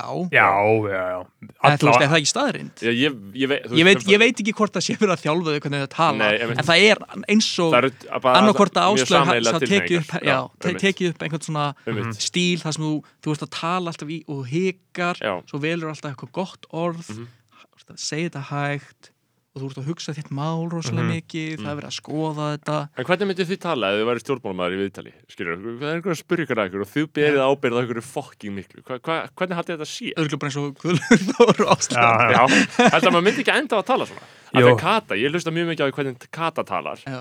Kata til mér alltaf þegar það er eitthvað hræðilegt í gangi þú veist eitthvað, hún berið ábyrða ykkur fullt af hræðilegu shiti eða þú veist þannig, þá er hann alltaf eitthvað, eitthvað Vist, mjög skiljanlegt að þessi hávar umræðan þetta. Það er alltaf þetta. Já, já. Að ég bara, ég fagna því að þessi hávar umræðan um eitthvað hræðilegt skilur Já. leggur aldrei neitt mat á þetta, segir aldrei hvað henni finnst eða bara þetta er hræðilegt heldur bara, auðvitað eigum við að ræða þetta. Þú veist, þú, þú pælti að geta sagt þetta og að skilur fjölmjölamæður eitthvað svona spyrir bara næstu spurningu Ja, og skilur, bara bullshit og ég menna sérstaklega að þú lifir í þessu bara eins og bara stengri með jóði eða eitthvað Mhm. bara lifir í þessu í 40 ár væntanlega byrjar að bara vaksa á því hreistur yfir allt bakið og þú byrjar allt í bara að anda með einhverjum tálknum og við allt, áður og veist að þetta byrjar að drekka blóð Hald, sko. haldið þið að ef að Stengrum í Jóð væri inn í settinu hjá okkur og við myndum byrja eitthvað að ráðast á hann eitthvað spyrja hann um PSC á bakka eða spyrja hann akkur hann er ekki vegan eða eitthvað haldið að myndi ekki fucking geta okkur eða? Jú, Örgulega. Jú, hann myndi, ég held að hann myndi gjössamlega ganga frá manni sko. Það er líka svo geðvett þegar þú er búin að vera svona lengi í valdastuði Já, að það er bara svo ógísla sannfærir um að þú vitir Já. allt sko. einmitt. Og ég held líka hérna, að í samingi við þessa stjórnmálmenn sem eru bara að eilífu á alþingi eins og ég, þú veist, ég stengur Mhm, ég, þú veist, hann er mjög íhaldsamur. Hann stendur ekki fyrir sem pólitík og ég en ég fíla hann. Já. þú veist, það er bara eitthvað svona ég alltaf hann en, en einhver eins og hann veist, hann á ekki að vera svona lengi á alþingi Nei, út af því að þú veist, bara klísjan hérna power corrupts, absolute power corrupt, corrupts Já. absolutely já. þú veist, I'm, það er bara- I'm, I'm doom kvíl í frið já, nákvæmlega Mhm.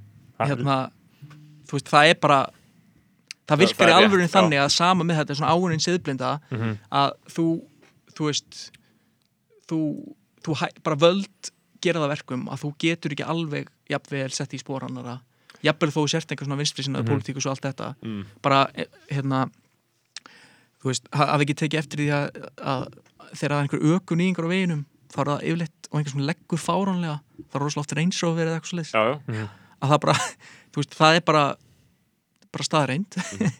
en það er ekki út af því að manneskjan í reynsrófinum er svo vond sko. Nei, það er það bara, það bókstala að keira reynsrófin gerir þetta að verkum að þú hagaði svona. Ef- og þetta hefur rannsakað sko. Já, það sem að þú tekum einhvern hóp fólk og setur hann bara einhver Honda Civic Mhm. og þeir bara eitthvað keirum og þeir bara fylgja reglunum Sand- leggja sand- vel og svona. Svo, sand, set, sandlitaður Honda. Já, Já. svo setur þú sama líð inn Já. í BMW eða eitthvað því að BMW er, fólk er versið í víst. Já, fólk sem, sem kýr BMW fyrir er skítalarnir já, Mhm. að, að þú setur þetta sama fólkin í svona, svona bíl Einmitt. og það fyrir að haga sér svona. Já, ég get og, alveg setja fyrir og, mér. og það sama er, þú veist, að þú setur einhverja manneski í valdastöðu að gefa einhverja manneski einhver völd að það getur gerst að það stýði manneskinu til höfus dyravarða syndróm skilur Já, þú veist, Mhm. það getur gerst en, en þú veist ég held bara að þú þurfir að hérna já, ég held bara að sé ekki gott að halda á völdum á lengi. En, en þú segir og sért aðna ósámála Stengrim í Jóð uh, Hann er í flokki sem heitir Vinstri Grænir. Já, Ég var að hugsa um Vinstri Græna í gær eitthvað, og þetta er hann er svo, þetta er svo íhaldsamur basic drullur flokkur Þetta er svo íhaldsamur flokkur. Já. Þetta er svo mikið, þú veist Þú ert með Vinstri Græna á Twitter sem eru bara að bassa krata bara að segja. Já, Þú veist, það er það Kári Gauta sem vinnur uh, hjá Vinstri Grænum. Já, og, og þau eru alltaf verifætt á Twitter. Já, hann er verið fætt Já. Þau fá það held ég að þau vinni á alþingi sko. Uh, uh, Fá blue checkmarki. Þannig að hann var bara að bassa krata hann var bara að segja bara eitthvað ætla, ætla kratar ekki að fara að væla út af þessu eitthvað svona, þú veist, og ég er að hugsa bara þetta er bara alveg næstum því eins og bara einhver svona einhver, einhver tegunda hæruflokki, ég veit ekki eins og hvað ég á að kalla skilju, hvað eru vinstri grænir? Afi minn var kommunisti já, og hann hataði krata miklu meira heldur en Já. framsóknumenn og sjálfstæðismenn já, sko. einmitt. Þeir höfðu borgar, borgaröflin svo Já.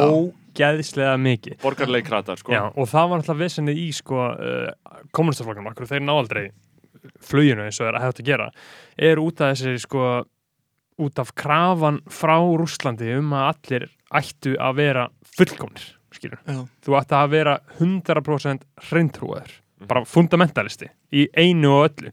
Og sem voru, þessna voru alltaf þessar flokkshreinsanir sem voru menn alltaf regnir skilur, bara, Já, á, bara e, mánaði fresti bara, það ásaka einhver einhvern annan um Já. þú ert ekki real.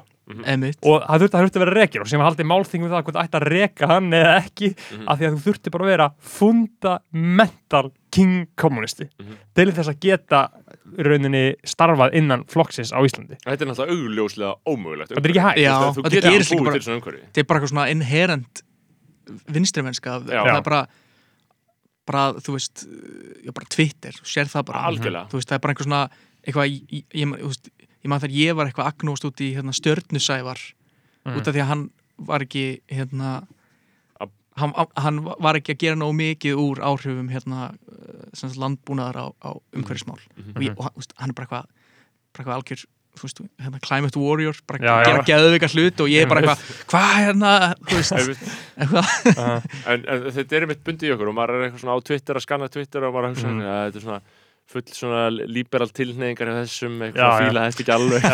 Já.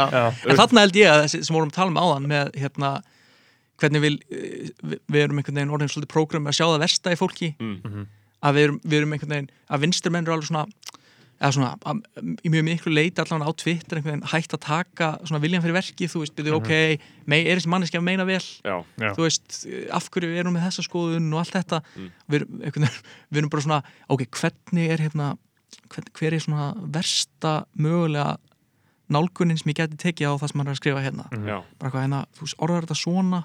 Já, þetta er, ekki nógu gott. Þetta er nú Ég, alveg ég fyrir hugsa líka, en ég dáist að fólki sem getur, þú veist, sem er einhvern veginn sem mér finnst vera bara þú veist, sem er bara bláeigara sem er bara, já, hann er flottur. Já, já þetta er flott. Þa, það er líka bara svo þú veist, hérna, það er svo miklu finnst mér raunhæfari nálgun á fólkið í kringum þig, skilur Já. bara, hérna já, nálgunin í vinstri í hægri mennsku á þetta, bara hvað við, við erum öll mikli mannhattarar Mhm. bara allir eru svo umulegir og allir eru bara eitthvað að hugsa um sjálfa sig. Að þau eru bara eitthvað, já, það, það er engin þú veist, ég þarf ekki að vera eitthvað að hugsa um þetta hitt fólk, þú veist, þau eru Mhm. bara hugsa um sig líka og þau, þau þurfa ekki að fá aðtunleysisbætur eða þú veist, bara þau sjá um sig sjálf Já. eins og ég sé um mig- sjálfan og, Mhm. Já.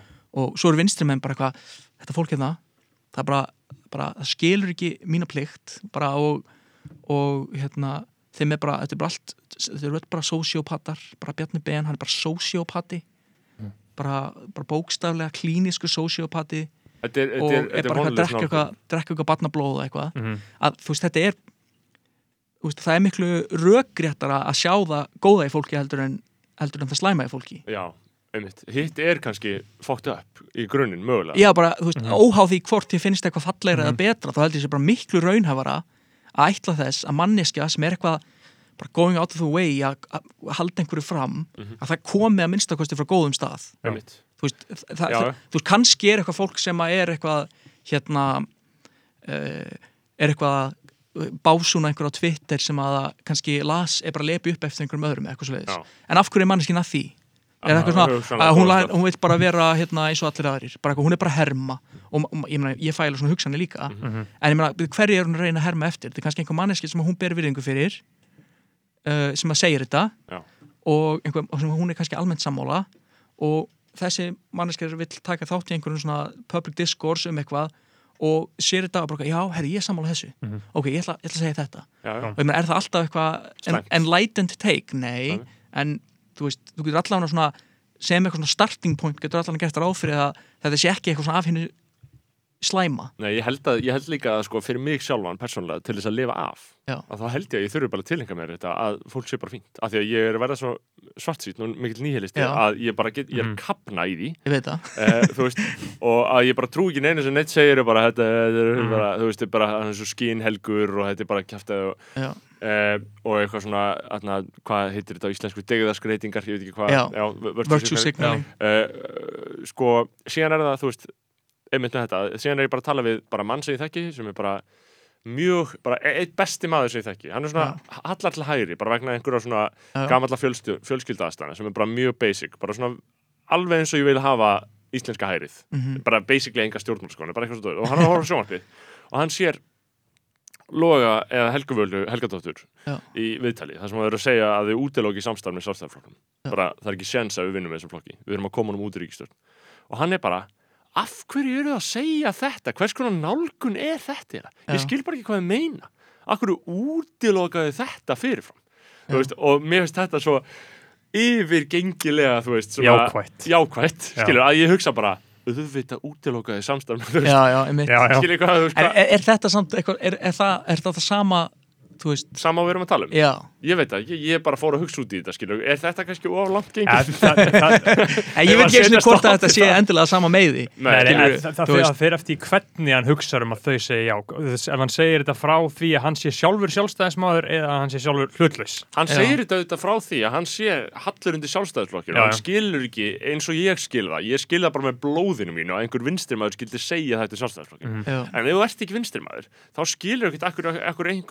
að útiloka samstarf með en Og- einmitt að, að, Svo ég fari nú ekki út í það að sko, einhver, þetta er bara verða algengasta stjórnarfar bara mjög víða, þetta, þessi stóru samstöpi stjórnir, sko, ég held Mhm. að þetta sé bara það sem koma skal, sko, hræðilega samstöpi stjórnir, það sem vinstrimenn hata vinstriflokkin og og, ekkert gerist. Já, bara status quo í gegn. já, en þarna sko talandi um að sjá að góða og slæma í fólki og hvernig svona einstaklingshyggjan er í öllu og mann tala um stjórnisæfar á hann, þegar til að hugsa svo erfitt að finna einhvern, af því að það er svona rosalega mikil einstaklingshyggja, það er alltaf að vera eitthvað brand það er að vera Mhm. stjórnisæfar sem er að gera þetta Logi Einarsson að leiða samfélkinguna Katrin Jakobsdóttir uh, það er alltaf að finna galla á öllum þessum karakterum og þess vegna er, geta þeir eins og bara það eru gaurar, þú veist, það eru bláa skirtur og nazís sem eru sko sem voru að skjóta upp flugvöldum og takka stjórninsævar í. Instagram story hjá sér, skilur, að þeir bara hata hann.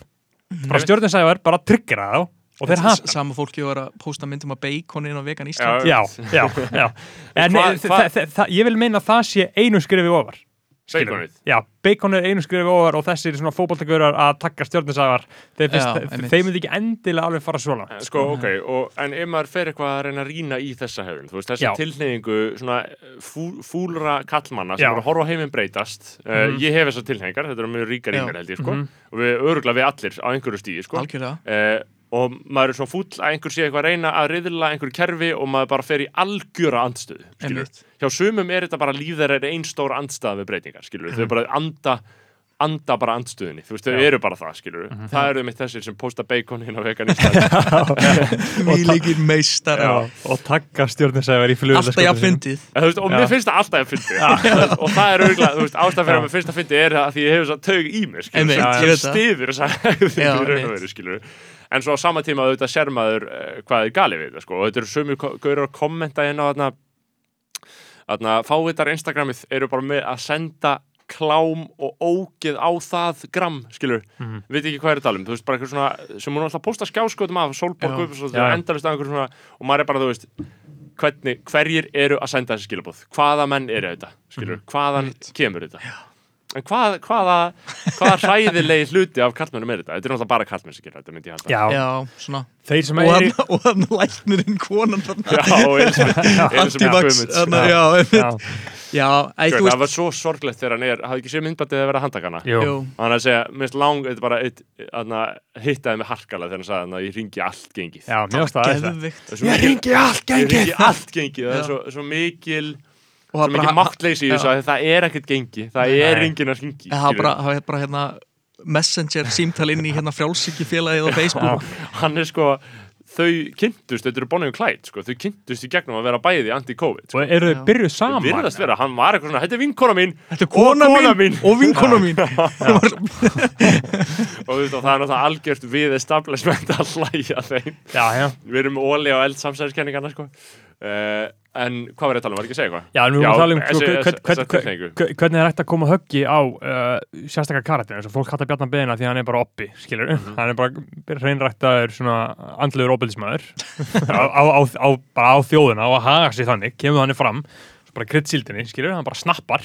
Ha, ef, hann, ef hann væri inn í stúdíunum við okkur Já. hann myndi að ganga frá hann myndi rúst okkur. Hann, gæti, hann gæti komið bara eins og hann, Hann, Ég held að hann gæti bara mjög mjög sennilega bara, bara kill us with kindness ég held að við Já. myndum Já. bara allir bara Já. líka Já. gett vel Hann við hann og er bara, já, herri, það er ekkert svo langt á milli okkur Já. Sem að er yfirleitt staðan já, Já. eins og þú skoðar einhvern eins og hann Mhm. þú veist, sem að er náttúrulega bara orðinn svo ógeðslega umdilt manneski þegar hann Já. er bara búin að setja svo ógeðslega lenga völdum búin að standa sér svo ógeðslega mörg hneikslismál Já. og, og ég held einhvern veginn að, að hérna, þú veist, hans pólitík hún er hans persónulega pólitík held ég hún er svo miklu minna nazi heldur en margrað inn í þessum flokki. Og ég meina hann, þú veist, ef, að- hann var inn í þessu, herbyggju við þurfum einhvern veginn að, að hérna, setja einhverja stefnu hérna fyrir landið við hérna fjórir Mhm. að þá skilur þá væri það ekkert eitthvað ógeðslega erfið. Nei. er miklu erfiðara með ógeðslega mörgum öðrum í þessum flokki Já, og snildin við hennar flokk er náttúrulega hann er þarna einhver bara algjör, einhver king skilur sem bara náttúrulega bara öllum finnst að vera einhver meistari. Mm -hmm. Með þessi fólk sem hata sjálfstæðisflokkinu bara bjarni en hann er flott Já, sko. já. og ég meina, ég er úr Garabænum og hérna, ég þekki hann ekki persónlega, ég kannast eitthvað svona aðeins til fólkskringum hann og ég hef hitt hann og eitthvað svona, bara king, skilur, Nei, þú veist, ég bara, þú veist, ég bara, ég, ég hef oft verið á þeirri skoðan, hann er að segja af sér. En hann á bara eitthvað, bara, bara get well adjusted. Mhm. og bara virðist bara, bara, bara heilbritt fjölskyldulíf og allt þetta. Og, og þú veist, ég meina, hann er bara manneskja, hann er með einhverja skoðanir Mhm. og hann er bara búin að vera gegnum sýrður allt sitt líf í einhverju hugmyndafræði. Hann bara fór í gegnum allt námið sem er til þess gert að gera aðeins svona og, og hann hefur pottið bara rétt fyrir sér mörgum málum, þá er ekki bara að tala um Bjarnar Ben nei. ég bara segja bara hægri menn og eitthvað svona. Og, og ég held að, að hérna, það sé svo hjá okkur vinstumönnum tala fyrir mjög já, ég er aftrætt að hérna að ég held einhvern veginn að þessi, þessi hérna, nálgun á stjórnmálin að, að ástæðin fyrir því að Bjarni Ben er hérna, og sjálfstæðisflokkun er eins og hann er að ástæðan sé að þau séu svo siðblind eða þau séu hérna, þú veist, að hittast einhver alumnati fundum, skilur eitthvað í kjallarunum á hérna, hérna frímúrarahúsinu að eitthvað New World Order, mér finnst þetta að vera eitthvað svona, þú veist, þetta er bara ekki beint ég held að hljóta að vera einhver betri skýring á því af hverju hægri stjórnmál eru eins og þau eru, það, það er ekki út af því að allir eru svo siðblindir. Eða vondir. Eða vondir.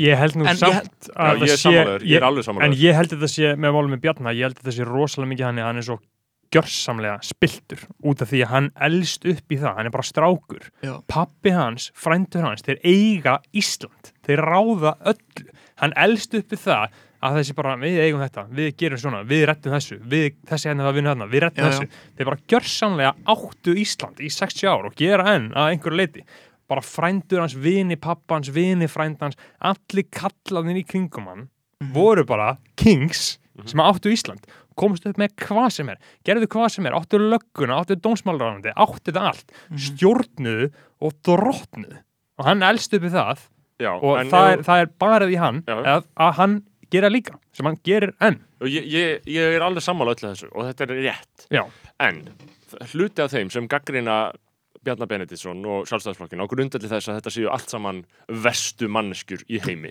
Já ég er ekki að segja séu oft- slæmir, ég er bara að segja séu spiltir Nei, nei, en ég er að segja, þú veist, að því við erum ekki að segja þessu slæmir. Uh, þó að þessu, þú veist ég get alveg sagt að þessu slæmir líka Já, já. og, Já, og, og, og, þú veist, það er alltaf læg en ég, ég, en, en, en að það sem ég ætla að segja er að hluti af mjög, mjög, mjög stór hluti af þeim hópi sem eigðir mjög mikill orku. Að segja hvað þetta er vond fólk, spiltir samherja, uh, spiltir la la la la la, þú veist svona vulgar, já, jæja vinstir orða, skilur já. jæja Facebook síðan, bara þú veist að færða þeim, skilur hluti af því sem hluti af uh, þeim sem hlut, eh, hluti höfunda þeirra orðræðu eru vinstrimenn sem eru í mjög sambarilegum elitum Já, sem eru bara í nákvæmlega sömu elitum já, ekki, alls ekki í sömu ekki elitum sum, já, en bara í öðrum elitum sem bara ráða menn, yfir. rú, rúf menningar sem, sem, ráða yfir rúf, ráða yfir leikhúsunum ráða yfir uh, þú veist, Það bókaútgáfu vald á svona já, þetta er bara allt svo- svolítið mikill stigsmunur hann samt. Já, en, en, en ég veit hvað þú ráða yfir bókaútgáfu ráða yfir blöðum, einhverjum fjölmjölum skilur, einhverjum miðlun, einhverjum, list, einhverjum listaelitum skilur og þau sjá aldrei bjálkan í eigin auga skilur, að það er ekki eins og þau hafi ekki fullt aðga, full, fullan aðgang ég gleymi aldrei grein sem ég las eftir einmitt auði Jónsdóttur skilur, þú veist, þarna bladamann og reytuðund uh, Badnabad Lagsnes, þegar hún var að lýsa því hvernig hún átti okkar vinkun á Akureyri uh, þar sem að þær voru bara vinkunur og auður var bara alltaf að fokka upp í skóla og vera að senda hann á Akureyri og síðan aftur í MR já. og síðan bara smettin á laug og vatni eitthvað þú veist, og það var bara aldrei neitt vandamál ever fyrir hann að fá neitt svona þú veist, bara Mhm. skólameistarar um all land bara börðust um að fá einhvern tossa inn í skóla sinn og, Mhm. og gaf húsnæði út um all land eitthvað svona, svona tengingar skilur sem hún var að lýsa þú veist að hún áttaði sér bara ekkert á því hvað þetta voru mikil, for- mikil forréttindi, skilur veist, og þetta er, þau eru ekki rík, þau eru ekkert eitthvað marga miljara, skilur þetta er bara kapital Mhm. og Kultúral kapital já, þetta er kulturkapital og veist, og, þá, og það er náttúrulega bara þetta klassíska, þú veist, kapitali er af ymsum tegundum, en, en ég held líka með þetta, mér finnst, veist, mér finnst þetta með þægilega að hugsa út í þetta aðeins meira bara út í hvað umhverju fólk elst upp í Mhm. hvernig þetta gerist, þú veist, það er alveg hægt að berjast fyrir góðum hlutum án þess að vera alltaf að segja að fólk séu ógislegir fasistar og að þau, ég held að bara fólk veit eftir ekki betur, sko. ég held bara að það sé bara líkil svona já bara, ok, þetta er búið að vera hérna nálgunin hjá vinstrinu, bara við ætlum bara öll okkar orka, úst, ekki öll okkar orka en veist, bara mjög mikið okkar orka allan að það sem er hluti af svona, the public discourse það sem að vinstrinu gefa frá sér er bara bara þessar endalösum hnyggslanir, svívirðingar og allt þetta. Og ég meina allt, og ég meina maður er ekki enda ósámála því sem maður er að segja Nei, en maður er smá bara svona, ok, en ég meina þú veist, okkar hugmyndir eru betri Mhm. skilur, það er svona, við vinstrumenn við viljum meina það, Já. okkar hugmyndir. Að við vitum eitthvað sannleik sem að þau skilji ekki. Já, bara okkar sín á það hvernig það eiga að rekja samfélagina, okkur finnst það að vera betri sín Mhm. en samt einhvern veginn hefur vinstri pólitík smá einhvern veginn orðið þú veist bara svona reactionary stjórnmálaafl. Einhvern veginn, við erum, bara móti því sem að hefur verið gert hérna og stendur til að gera. Og við erum einhvern veginn að alltaf að tala um eitthvað sem gæti gerst og eitthvað svona. Ef að, ef að hérna hægri menn ná sínum fram og eitthvað. Eðlilegt að tala um þessa hluti Já, en þetta á ekki að vera þunga með henni. Nei, ég meina, akkur, við erum með betri hugmyndir. Af hverju, þú veist, er ekki komið tími á við skilur stingum bara næsta þjóðvega, næsta landlínu eða hérna þú veist, bara svona stórar stórar hugmyndir, hugmyndir, já. sem að snúast um það að byggja upp einhvað, Já. þú veist, gott samfélag innviði, uh, jöfnuð allt þetta, þú veist, bara vinstri mennska, vinstri pólitík einhver svona jafna mennsku hugssjón Mm. bara miklu sterkari hugmyndafræði heldur en einhver svona eh, hæ- hægri manna Frjálsviðskipti. já, emmitt, ég meina Já. frjálsviðskipti Læra, læra tryggingagjald. já, veist. bara eitthvað ok, en eh, þú veist, tölum bara um alvöru hluti bara, Já, einmitt. akkur er hérna ekki einhverja krónur Já. auðra fyrir einhverja kapitalista því að, eh, og, og líka skilur þau hugsaðum bara hinn almenna kjósanda sem hefur ekki tíma eins og við til þess að vera að velta sér til að marinerast ón í einhver svona hræðilegum hugsunum Mhm. Heldur að hann sé að fara að kjósa sjálfstæðisflokkin sem er bara winnerinn bara búin að vera kóngurinn. einmitt, bara þetta er, þetta er winning tímið. Eða vilta vinstri sem er alltaf að væla undan Já, sjálfstæðisflokkin. gerir er ekki annað en að væla skilur, þú veist, þannig að þú þarf bara það er, það, hann er ekkert að fara, að hann er að að taka undir væli. Að hugsa bara, Nei. við erum bara áfram, Algjörlega. áfram og svo kemur sjálfstæðarflokkurum með bara áfram, framtíðin. Já. gerum þetta saman, og, það, og það skiptir ekki einu svona máli þó að væli sé réttlætanlegt. Það skiptir ekki máli þó að þú sért að segja hluti sem eru réttir er væl. og þetta, já, út af því Já. að þú veist, það skuldar þér enginn það að, vera, að hlusta á það sem þú segir eða Nei. vera sammála þér eða taka undir hneyksluna þú þarf bara að koma með betri hugmyndir segðu bara eitthvað samfærandi og Já, skemmtilegt og, og, og ég meina ef þú ert vinstrimæður þá ertu væntalega sannfæður um það að, að sín vinstrimanna Einmitt. sé betri fyrir hvernig við erum að reyka samfélag.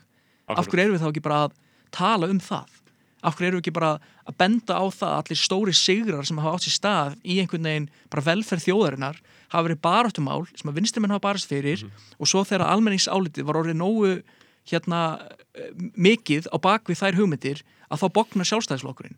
Þetta er bara, veist, sjálfstæðisflokkurinn er svona eins og, skilur, fólk sem að mætir aldrei í geiprætgönguna þegar hann að þetta er orðið fjölskylduháttíð, sjálfstæðisflokkurinn kemur bara þegar hérna, kröfugangan er búinn og hún er orðin að skrúðgöngu þá mæti sjálfstæðisflokkurinn. Þetta er bara, bara saga þjóðarinnar. Akkurat. bara einhver framfara öll og svo þegar að þau íhaldsflokkurinn, sjálfstæðisflokkurinn getur ekki lengur hérna, hérna veist, bara vegna pólana, bara Já. pólin eru bara orðin þannig já, veist, bara, það er ekki lengur hægt. Og þá bara hvað, já ok, eru já, hjónabandsamkynni er að, Mhm. já auðvitað og, og hérna, þú veist, þannig að þau virðast einhvern veginn fyrir einhverju svona, hérna, fólki svona, það sem ég kalla bremsuliðið, svona fólk sem að er íhaldsfólk en það er alltaf bara svona á bremsunni Mhm. og svo þegar hérna, þau verða aðeins að gefa, þá bara gefa þau og svo bara fara aftur á bremsuna. Þetta, er, þetta, þetta er fólk sem skrifa pistla þar í bremsuliðinu. Skilur bara eitthvað svona fólk sem Já. er bara eitthvað já, nú er hérna mikil fátækt en, en, En við, við getum nú ekki hérna, rólega, við já, þurfum að Mhm.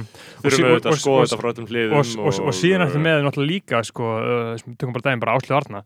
Bara svona úber jákvæðni bara toxic jákvæðni bara, þetta verður bara veistlega okkur hérna, hérna ökuskiptinu fyrir alla áfengi búði fyrir alla, bara eitthvað svona pínulítil bröðmúlar sem að skipta engu máli í raun síðan er hún með svaka markaðsstarfsemi sem Já, að virka rosalega vel að livestreama með einhverjum norskum ráþæra og láta fólki segja akkur er ekki bara einhverju vinstri ungi þingmenn með svona visslumál, bara að segja bara það, það er engin komin, það er engin Nei. ungur skilur það eru einhverju ungi Já, á, á, á, að- le, á leiðinni, skilur auðvitað í að Ragnar og Jóhann Páll, Já, eh, Pottþétt, þau Við hljóp- vitum þau- satt ekki hvar, hvar þau lenda á lista sko, í, uh, við hefum eftir að sjá það. Það, það bara En- kemur ljós. En aftur á móti þá er kannski líka hætta á því að þeirra orðaða muni lítast of mikið af bara andúð á sjálfstæðarflokkin í stæðan fyrir að keira maður bara er á að vona ekkert því að Já, ég, ég þekki þau bæði. Bara, þú veist, ég var í hérna í mentaskóla með uh, Rögnu Mhm. og ég kannast líka við Jóhann úr mentaskóla úr Morfís.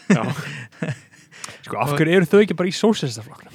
Fara þákað inn, keira þetta áfram Ég- með, Gu- með Gunnar smára. Ég er ekkert viss um að það sé svarið sko. Nei, ég held, ég, ég held samt að sé það sé jákvætt að sósalistaflokkurinn sé til Mhm. en það er náttúrulega einhver svona þú veist, svona stera útgáfa af þessu hérna, væli líka þar Já, já. sem að, og ég meina þau eru alltaf að segja hluti sem er bara, já ok, ég skil hvaðan þetta kemur rétt, allt þetta, Mhm. en ég held að það sé kann- kannski bara svona ennþá íktari útgáfa af því sem við erum að tala um þetta, Já, ég, ég, ég hugsi þetta samt sko svolítið mikið að þetta sé að sjálfstæðisflokkurinn segir nei og samfélkingin segir nei og er með Black Lives Matter hnefa og gay pride fána með.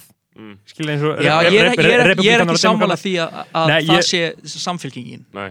Nei, nei, ég, ég, ég er- ekki að segja að síðan er fatt en ég er að segja að ég skinja stundu hann í væp. Já, frá Já, já. ég hann í kerfisflokkur væp. Þetta er kerfisflokkur, þetta er stórflokkur Mhm. Þetta er 20% fylgi, við erum cirka í 20% fylgi Það eru sko Mhm.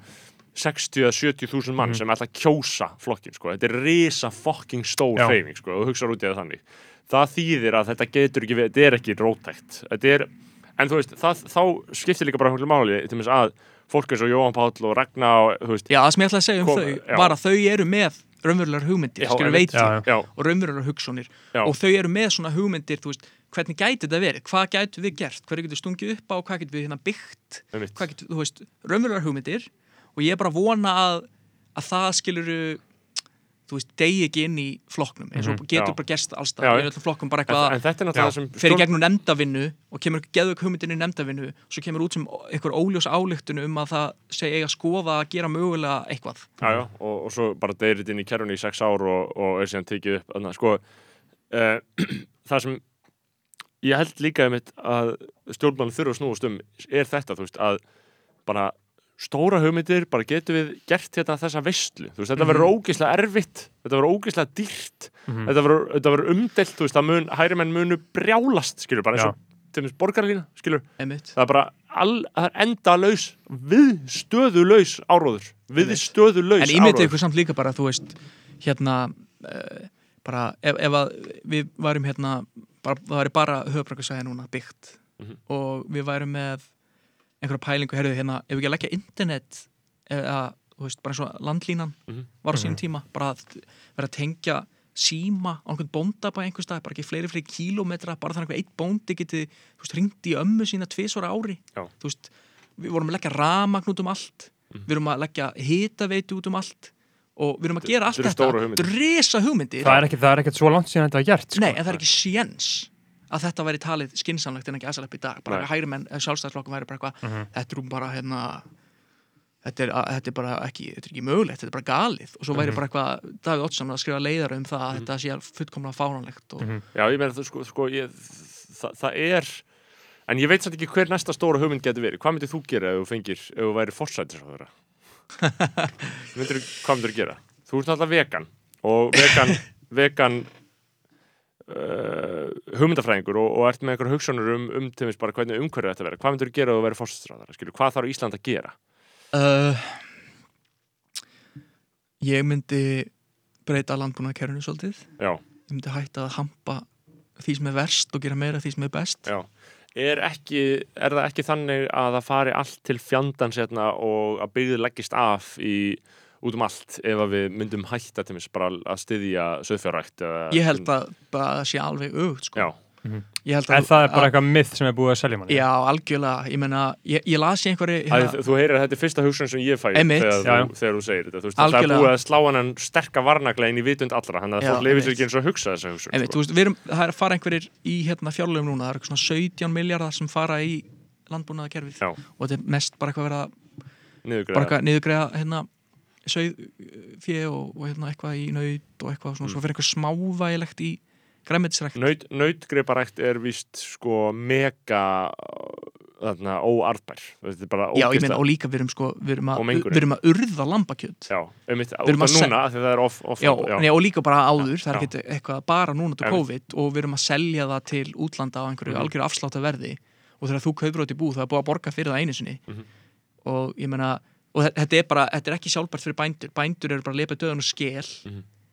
og, og hérna og neytandinn er að fá einhverja þú veist, er að fá einhvern smá afslátt en svo erum við að borga ógeðslega mikið fyrir þetta og þetta er fáranlega ósjálfbært Mhm. bara frá umhverjum sjónum og sko kindur á beit. Já. uh, hver er pælingi með það? Þetta er ekki gott fyrir umhverju að það, sé að gera. það er annað reisastórt mið sem að margir halda að, að þið geti borðað löm, lambakjöt og kindakjöt að það sé með minna kolminspor og þá byrjar að tala um einhverja bönir sem er fluttinu frá Ástralíu.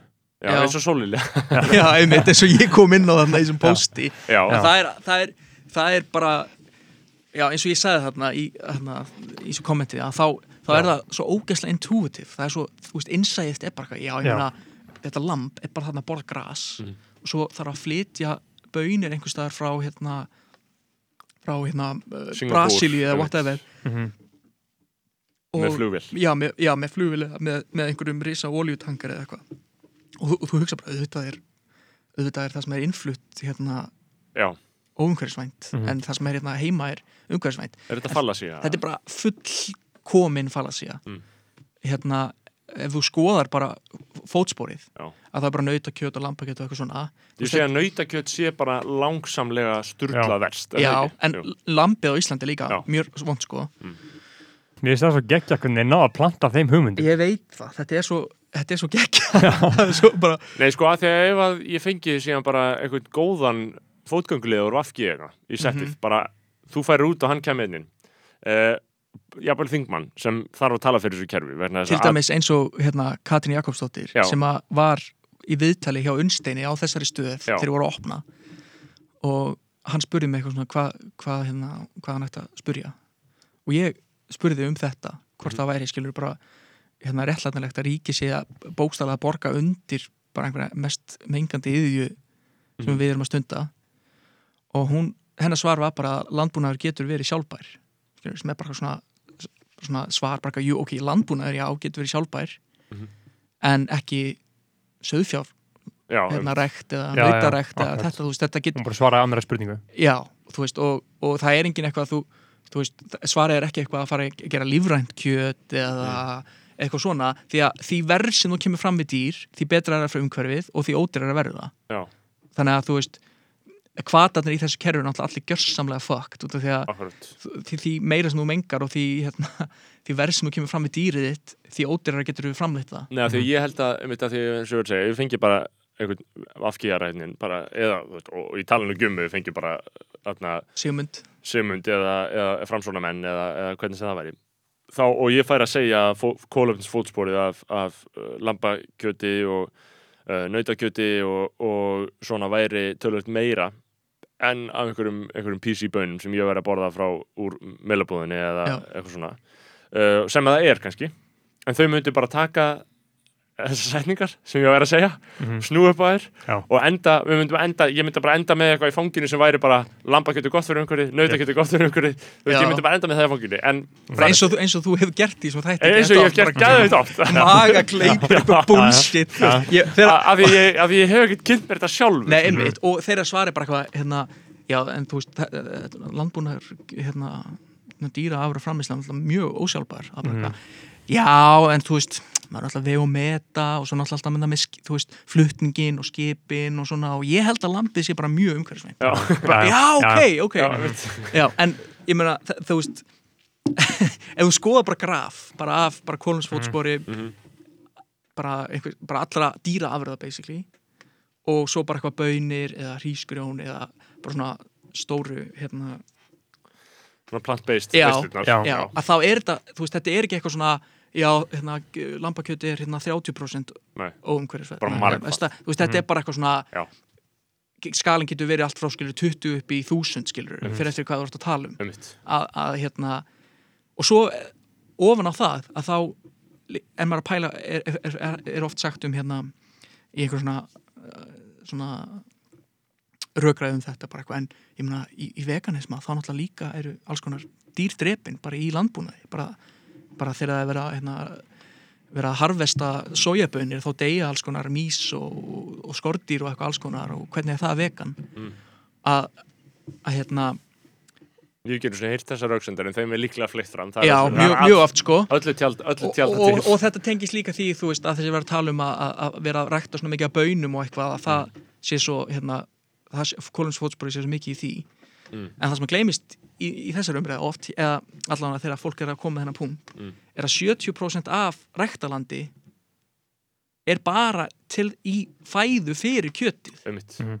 þú veist þannig að einhverju svona einhver, þú veist, maður heyrir ofta einhverja svona einhverja típur að tala um að það sé eitthvað svona offjölguna vandamál, það er stóra veist, það er bara, er ekki rétt við gætum sko með það, bara með það ræktaland sem að við erum að nota í dag sem hérna heimsbyðin að við gætum nota hluta af því til þess að bara fæða alla og vel það og við gætum sem sagt bara hægt að nota mjög stóran hluta af ræktalandinu líka og bara rækta upp skóa aftur og svo leiðis og í Amazon skóinum að þar er það sem er bara alveg sturlaður hraði á hérna eðalegningu skóna þar að þar er ræktalandið trénur tekið niður, það er notað í pappír en það er ekki þannig að þú veist pappirinn er tekin og þess vegna er er ræktað þar, heldur það er ræktað og þess vegna eru trén tekið niður Já, Mhm. og Þannig það að- eru bara fyrir nautgriparækt og eitthvað svoleiðis og vera að rækta eitthvað drasl En þannig að væri það ekki, ég meina ef við fengjum, ef, að þetta eru náttúrulega svo byltingakenda breytingar sem þurfa að verða á hugmyndafræði fólk til þess að, til þess að sko uh, agitera fyrir þessu. Er það það ekki bara langtíma verkefni sem að þurft að innsetja sér að færa bara alfarið og, og, og ég veit að ég er ekki að segja hennar fréttir en er þetta ekki bara það sem þarf þá að gera, veist, að færa bara alfarið uh, næringun okkar yfir í þetta bara alveg, skilur, og bara hætta kjött framleiðslu, skilur, hvað, Já, þú veist, auðvitað þetta er mér persónlega best ef að hérna, væri fólk væri bara, myndi bara hætta þessu Mhm. en ég ger mig líka grein fyrir að það er ekkert að fara að gerast Nei. ég held að veist, við erum núna í einhverju svona tímabili það sem að þetta er svona að verða mainstream og því mann þegar ég byrjaði að vera vegan fyrir 8 árum þá þekkti ég engan sem er vegan. Og fólk hérna, ég fór á veitingastað ég, ég mér dætti ekki í hug að segja vegan. Ég spurði bara er þetta, þetta, þetta, þetta í matnum? Út af því að það vissi enginn hvað það var. Mhm. og hérna og hérna þe- þetta breyttist rosalega hratt. Að bara allt í unni er bara fólk sem að þú veist, típutan sem að voru kannski líklegt sem vera græmmetsætur, þær eruðu að, að vegan fólki. Mhm. og fólk sem að þú hefur aldrei hætt, haldið að væri eruðu eitthvað svona, var að þau eru að Já. og, bara svona ótrúlegasta fólk skilur Mhm. um, og fólk bara eins og fóreldra mínir bæði bara á hérna, þú veist, ellilífuris aldri Mm.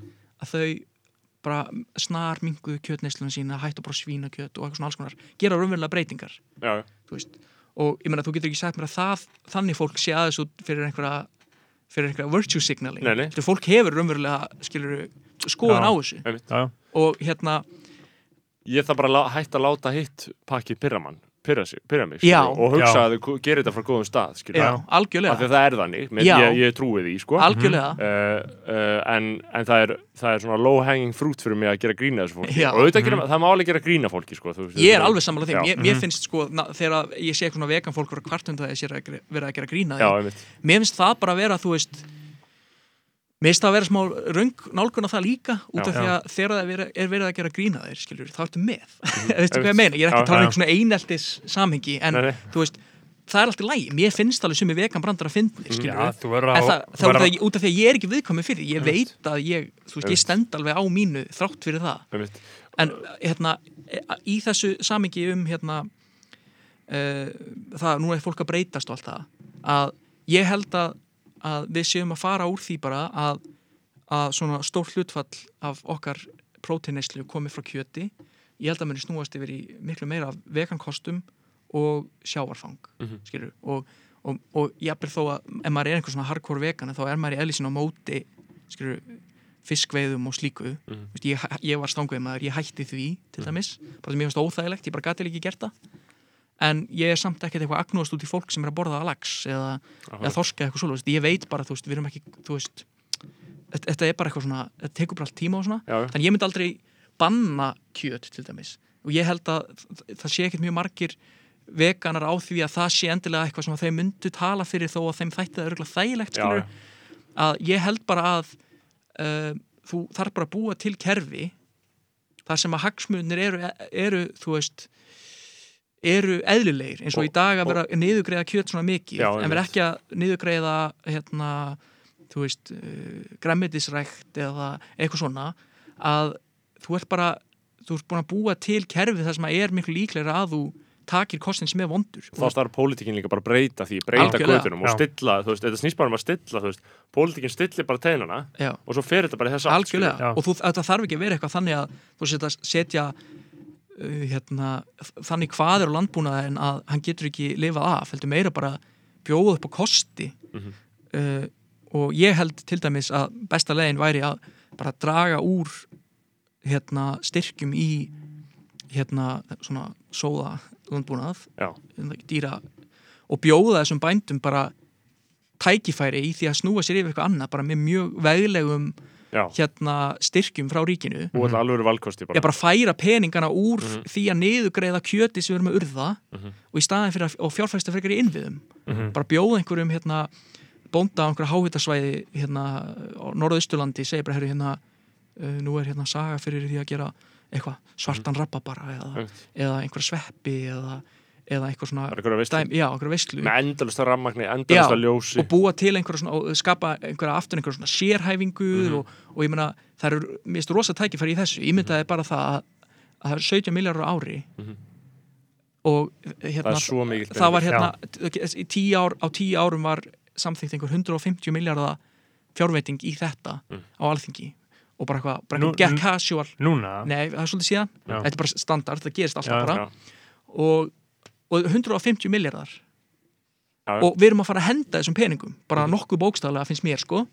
E, að, er, þú, við erum að halda uppi einhverjum hérna, einhverjum hérna, bændum við samt ekki sangjörn skilir í þannig skilur en þeim líður ekkert vel. Þeir, nei, ég menn þetta kerfi er ekkert gott fyrir þau og, maður þe sá og þeir eru neitt til þess að fá annarkvort herri styrki eða hætta bara. Já, mm -hmm. mega bakslag þarna, þú veist þegar Kristján Þór Júliusson nefndi eitthvað í einhverju algjörum hálfkæringi á þingi að, sem sagt, að uh, einhverjir bændur sem hann hefði talað við að hann, honum heyrist nú á þeim að frekar en að þetta snýrist bara um afkomið þá væri þetta náttúrulega líka lífstíl já, einmitt. Og sko það fór allt á hliðina og maður fann þá bara, ok, hérna er einhver rosalega volatæl og viðkvæm orka Já, í gangi, þannig að staða Já. þessa fólks er ekki góð Nei, ef og, þau það, brjáluðist út af þessu sko. og líka það virðist kannski verið þannig vegna þess að mjög margir bændur neyðast bara til þess að vera að vinna í bara hvað vegavinnu eða Einmitt, hérna, eitthvað svoleiðis samhliða. Til þess að reyna þetta. Já, já, já, Já, bara grammetisrækt og eitthvað svona snild, skilur ég held að við Já. þurfum að,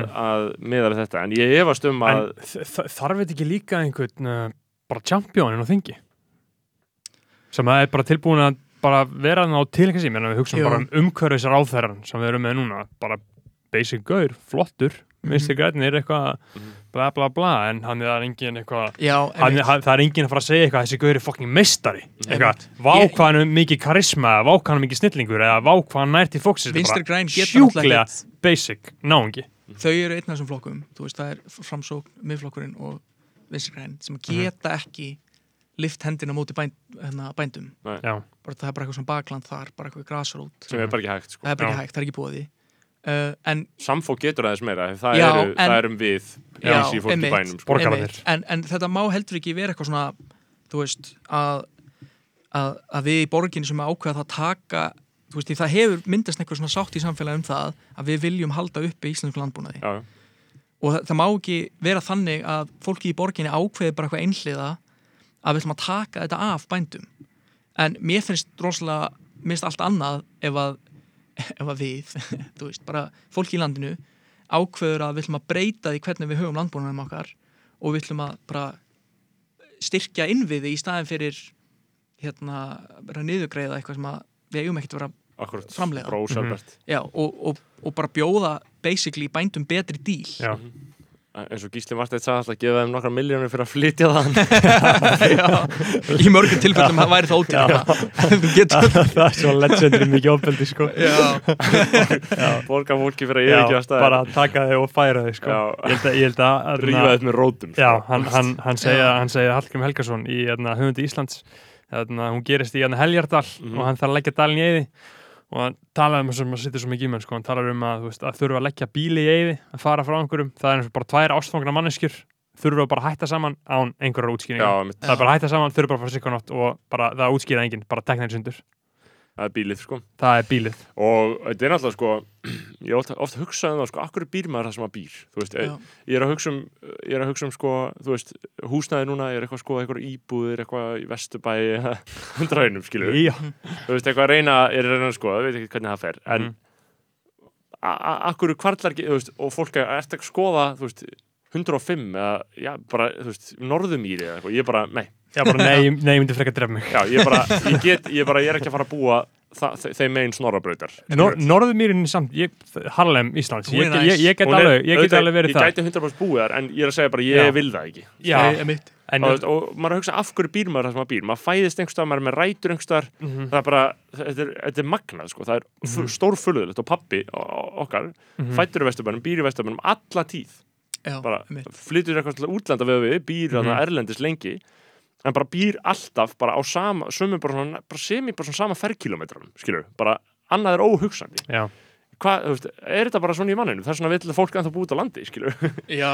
Og, og skilur, ég, veit það ekki. Ég, ég meina eins og við þekkjum þú veist, fyrir vestan já, já, að það er náttúrulega bara indislegt að vera út á landi. Mhm. já, það er indislegt og, Já. og ég, en ég meina við náttúrulega bara önumstu upp hér og það er bara ymslegt hér sem að mann einhvern veginn finnst hálfa ómissandi einhvern veginn. Já, hænist að bara. já, en svo, e, e, þú veist ég var hérna á vestfjörum um daginn, bara í mánuð samfleyt Mhm. og bara drull, ferskur bara bara geðveikt. Já. ég meina, bara eins og, eins og að hérna, þú veist, sumst, sumstaðar hérna þá, þá drífur ekki netið, skilur en þarna í dýraferðinum og þá, kvíðin drífur ekki þangað. Nei.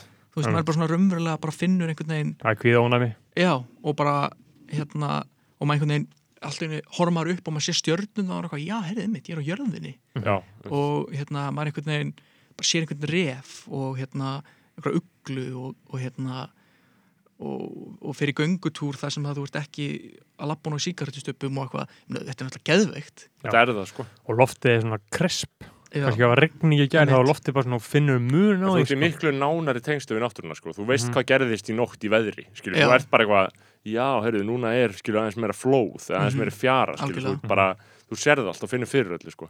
uh, en það er náttúrulega líka maður, fæ, maður dettur ekki inn hjá svona skekk kings fyrir svona einmitt upp úr tvítugu sem maður fyrir svona að leita út fyrir borgina sko, og hugsa um uh, að bara það sé eitthvað annað hérna á landinu Mhm. og maður vilji virkilega, þú veist, og ég væri til í einmitt, sko, ég væri bara til að búa í heilt ár einmitt á Ísafirði eða uh, það er alltaf svo góða samgöngur það er raun og verið hægt að keira í vinnuna. Þegar við vorum á Núbi, ég og Jakob að vinna hann í haust, uh, sætla minninga þá kerðum við um alla vestfyrði með beis á Núbi, sko. Kerðum þú veist, til Ísafjörðar á daginn í vinnu, það er ekkert algjörlega og þetta er, líka, þetta er að vera svo miklu betra svo rætt Já, Mhm. Og svo ætlaði að gera eitthvað við dynjandi segis veg, veginn þar, eða ekki? Ég að bara að því, sko. Já, bara vetrar, vetrarfærð þar, skilur og þá, þetta er þetta ekki ímynda með þessi heiði sér fucking hræðilega veturna, sko, ég myndi ekki alveg þóra að kera þarna, sko, en já, akkurat. Um, þang, þarna myndi maður vilja vera bara með einhverja visslu starfsemi, bara ef maður væri bara með Mhm. ristóran búkar eða einhverjum græmmetis visslu, en þú veist, Mhm. ég hefur náttúrulega engar fórsendur eins og til að sjá fyrir mig hvað maður gæti gert, sko, Ég vandin er að það er, það er svo lítið af hérna jarðvarma Já. þar á vestfjörðum, það er einhvern lághittasvæði Mm. nokkur, en til dæmis þarna í dýraferðinum að það er eiginlega ekkert að finna. Þarf að kynna mér aðmagn og svona. Mm. þetta er bara en ég meina, þú veist, þú bara ekkert endilega mikið, hérna, þarft ekkert að vera með gróðurhús. Ég meina, Mhm. íslenskur landbúnar get, getur líka verið bara mjög mikið af einhverjum ökrum og, og svo leiðis um, Við vorum líka áðan að tala um uh, skal ég segja þér um, að við vorum að tala um Vesturbæin líka á bæin og það tala um áðan eitthvað, mann, eitthvað sem gerist í þessum arkitektur uh, eins og arkitekturnami uh, Þú varst í LHI eða ekki? Jú.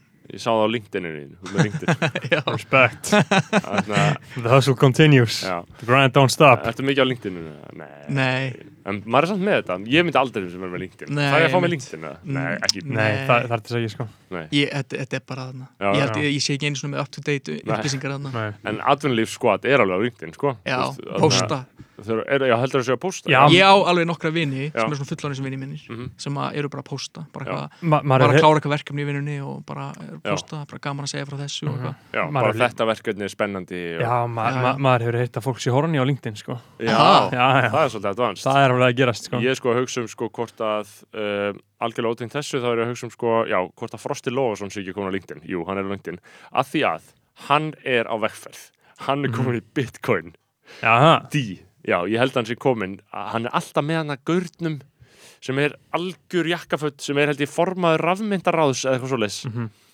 Uh, og Frosti Lófason er alltaf að taka viðtölu og alltaf með hann út að borða. Og ég er að hugsa hvort að Frosti Lófason er búin að- að flækja sig eitthvað bitcoin scam. Haldið ekki að þetta sé eitthvað scam? Eða? hvað er í gangi hann eða þú, ert þú ekki að vera veiku fyrir þessu? Jú, ég er komin í það. Já, Cryptocurrency til framtíðin.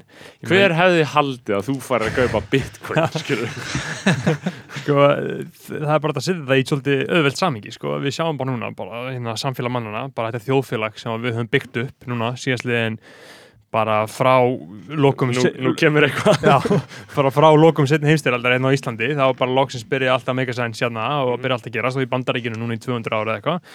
Núna er alltaf hrinja, slagsmál í breiðoltinu uh, í Borgó, koronavírusin uh, þetta í þingúsin í bandaríkinum skilur bara allt sem er í gangi þar veist, það ætti að vera sko svona fullkomnar aðstæður fyrir byltingu í bandaríkinum bara róttaka kommunista byltingu en það er ekki að fara að gerast út af það er svo mikið uh, division milli þeirra sem þurfa byltinguna bara rosalega gjá þar milli þannig að samfélagið er í rugglinu skiljið hvað ég meina, það er allt að fara til helvítis og er það sem að gerist þú voru að tala næri líka. þa- það sem að gerist þegar samfélag manna fellur.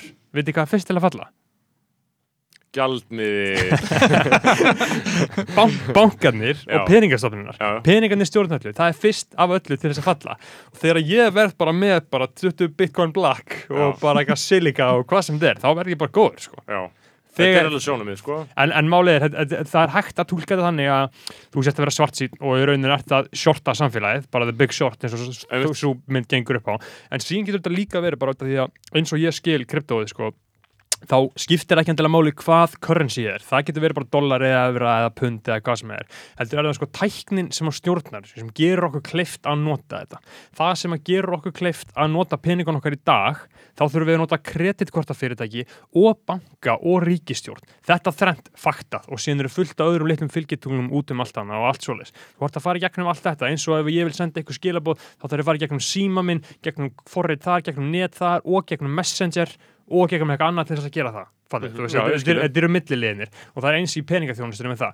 En með kryptóið og með þessu blockchain tækni eins og ég skilna þá er ég að tala, tala við ykkur þar alveg og ég er að tala við ykkur núna beint til ykkar. Tekur Það út er ein- það, það, það er bara engin millilið, þú Já. tekur út alla þessa millilið og það er það sem að gera cryptocurrency svo rosalega gott. Og það er málið, það er að byggja upp að, veist, það er mótrökun gegn því þetta veðja gegn samfélaginu er að þú ert að byggja samfélagi upp á nýtt með því, Ég meina, við munum alltaf þurfa sammeila vegi, við munum alltaf þurfa heilbyrðistjónustu, mentakerfi og allt svoleiðis. Það er hægt að gera það í gegnum þetta shit, þessa pælingar líka sko án þessara milliliða, þetta Mm. bullshit sem er búið að byggja upp verðbyrjamarkaðurinn og allt þetta kjaftaði. Mhm. Krypto, kryptóið er svolítið að þurka það út. Og hérna tala ég, ég sko með gífurlega litla þekkingu á Mhm. þessu. En ég er bara svona einhvern veginn já, ég einhvern veginn bara svona finn, finn það hjá mér að það getur verið eitthvað, já, þú veist. Uh, sko ég hugsaði, maður hugsaði út í þetta af því að við ég var að lesa bókarn um Þorberg Þórðarsson um daginn og hans æfi og þá var alltaf, það er frekt að sérst, hann ólst upp á Hala í Suðursveit sem er hann í austur skattavælsísli líklega. Uh, mjög afskekt á þessum tíma, samgöngur mjög þurfti að taka bát já, já, til þess að komast þig ekki til að bara fara með strandbát til Reykjavíkur. Mm -hmm. og uh, flutti til Reykjavíkur til að menta sig eða hvernig það var og var í einhverjum íbúðum. Og uh, þú veist, það var ekki bara það að hann fengi ekki fjárhagsaðstóð frá heima, heimann heldur var ekki peningur til Já. skilur, þau það var fólk sem bjó bara alveg í, í sátt við guðu menn bara Mhm. með sinn landbúnað sitt dæmi og bara, bara áttu ekki pening, bara þekktist ekki og ég myndi skilur þá byltingu sem verður frá því yfir í það að núna, núna snýst allt um peninga hjá okkur, bara krónur og auðra og við erum bara með kort og þú veist, ef ætlum að fara í skiptin á með út, þá er þetta alltaf bara eitthvað spurning um eitthvað svona peninga plus, mínus, þú veist, þú ert aldrei að hönda með neitt annað. Þannig að hugsið, þú veist, gætið hugsað ykkur að, skilur við förum frá Þórbergi yfir í peningan okkar og séðan frá peninganum okkar yfir í einhverja ómiðstýrða, sturlað líðræðislega brund einingu, skilur Mhm. sem er þessi bitcoin. gerist náttúrulega hratt hér Já, Ha- haldið þið það? Haldið, að þetta bitcoin verði eitthvað? Haldið að við gætum hleyið að þessu eftir tíu ára þegar bitcoin verði orðið svo huge? Vist, ég veit það ekki, Nei. ég held að þessi tækni ég held að hún verður notuð í Mm. ímislegt svona örgisdæmi Mm. En ég veit ekki hvort að þetta verður eitthvað að gjaldmiðlin, en Mm. ég bara þekki það ekki Nei. ég veit ekki um þetta, Nei, ég veit ekki áhuga á þessu heldur nei heldur ekki ég. En ég beggi er að, því að sko, bitcoin er, þetta er algjört svona vinuðin sem var með þér í skóla og ringir í því þegar þið eru orðin 30 og 40 ára. Það er hann komin á kaf í eitthvað bitcoin. En hann vill ekkert frá þér Nei, hann er ekkert að reyna bara að- peppa hann þig að inn í Já, fagnaðarerindi. já. fattur er ákveðin trúarbrögð, það, það er bara sko. því að hann fann sannleika hann Já. er ekki að hann að græða pening á þér af því hann græðir engan pening á þér Mm. Einmitt. skil ég ekki að meina, það er kannski, kannski svolítið að horfa á eitthvað og segja mann að verði að horfa á það já. að horfa á það. En ég gerir þetta sko. já, ég, ég horfa ég, Þá ég, sem ég horfa á eitthvað yfirleitt. ég ger þetta mjög mikið sko. En sko, nei, ég, ég ætla að tala um arkitektúrun þarna, uh, í, í tengslu við uh, bara svona umhverfistæmið uh, að því að arkitektúr varst að tala þarna um að þú veist, þið eru auðvitað að tala um eitthvað annað en bara hvernig á að byggja hús og vegg já, já, uh, og ég hef alltaf svona í seinni tíð uh, öðlast svona, eða svona farið að líta mjög uh, jákvæðum augum á arkitektúr sem fag. Mhm. bara sem einhvers konar byggingar mestarar samfélagsins, skilur og búa til samfélag en ekki bara búa til byggingar. Er, Mhm. er þetta ekki það sem þetta snýst um líka, þú veist þú veist að Jú. hugsa um einhvers konar rými já, og ég menna og rými í svona, svona víðum skilning Já. þú veist, rými, svona félagslega rými og, Já. og svona jú, þetta, þú veist, þetta er, þetta er er góður arkitektur mikilvægur fyrir gott samfélag já, klálega, en mér finnst sko, ég lærið þetta mm. og og svona, og maður fær þá smá einsýn inn í svona hvernig, hv- þú veist, hvernig þessi bransi er og svona og bara á á heimsvísu almennt þá finnst mér þá finnst mér sko hann, er, hann snýst allt og mikið um aesthetics en hann ætti að snúast aðeins meir um ethics í dag. Já, að hérna uh, arkitektur og verkfræðingar þeim er rosalega lítið umhugað um umhverfið í sínu fægi en ef, ef þú tala við einhver arkitekta að þá eru þeir mjög er þetta sennilega eitthvað svona fólk sem er mjög svona umhverfis hérna, sinna, þetta eru mjög mikið að kröttum og, Mhm. og hérna einhver svona vinstri, vinstri liði. En ekki í þeirra fægi þeim finnst það rosalega, þú veist bara eins og, eins og hérna það er algjör steipu fíkn í þessum bransa Mm. og bara sement eitt og sér sem er bara íblöndunarefni í, eða hluti af því sem er í steipu bara það er 8% af kólunsfótspori mannkins Já, er þetta svona ræðilegt? þetta er hræðilegt Já. sko. Já.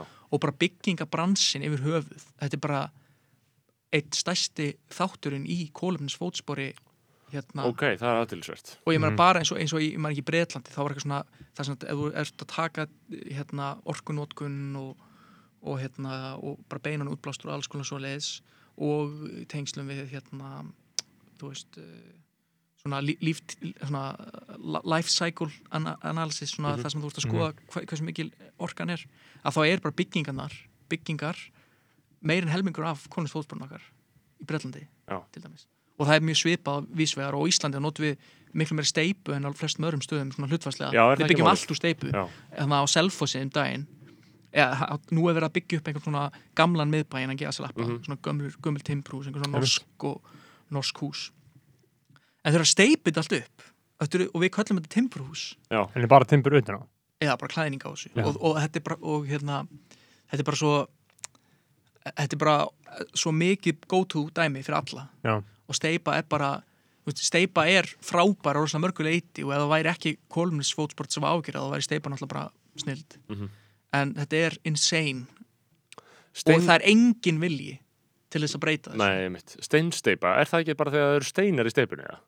Þú veist, það er bara steipa, steinsteipa það- er bara, steipa það Já, það er bara steipan, já. En að því að stundum eru steinar í steipunni Í gamla Það dag, hérna, gert, þú veist, það voru sætti steinar eins og hérna í vegnum þú lítur inn í veggin eins og við Já. voru að tala um það það voru steinar, já, það er bara til að í fylla upp. blöndunar efni það er bara til þess að það dríja gera hana þetta, og það já, dríja þetta merkilegt og uh, og uh, eins og hér í Reykjavík skilur er, þú veist, ný hús sem er að rísa hér þetta er allt úr steipu, eða ekki bara Jú. já, Hafnantorg úr steipu Já. Já. En ég meina, þú veist, það er ekkit eina umhverfismálið, til dæmis er eitthvað svona ég nenni reyndar ekkert eitthvað mjög mikið að fara út í þétting byggðar og allt það. Já, já, en það líka er þú veist, það er ógeðslega mikið af sem er gott fyrir umhverfið, eða ekki að, byggðar. Jú, mjög, vegna þess að þú veist bara ímyndaði bara alla innviðina sem þú ert að byggja þú veist að, þú veist að gera einhverja fjóra götur hérna einhverstaðar mm í, hérna, í austurborginni fyrir einhver nokkur einbýlishús og svo það bara skapa alla innviðina fyrir þetta svo þarf gera annan skóla og svo er þetta fólk í umferðinni endalust og eitthvað. Já, þetta er svona samfélagi eins og sem við vil, hafa bara allir á bílum, fara inn í stórar stórt. skemmur Já, allt stórt einmitt. bara, leysa málið á svona, einhverjum svona, stó, í svona stórum stíl allt í Einmitt. stórum stíl, í staðin fyrir að lifa bara svona litlu og góðu lífi. Já, þetta, þetta er svona þín hugmynd um eitthvað sem er þægilegt og þetta er bara, þetta er bara hugmyndafræði skilur, sem kemur bara eftir stríð. Já, ég meina þetta er ekkert þetta er bara mjög nýjar pælingar en öll uppbygging á Íslandi á sér bara stað eftir að mótenismi er komin. Þannig að við byggjum bara okkar saman við vorum sko mega metnaðafullar mótenisna pælingar. Já, eins og ég á kólaportinu það er hérna uh, já, ofan á kólaportinu er eitthvað svona bílastæði. Stórt- já, já, en það átti bara að vera hluti af bara einhverju svona elevated hraðbrutakerfi.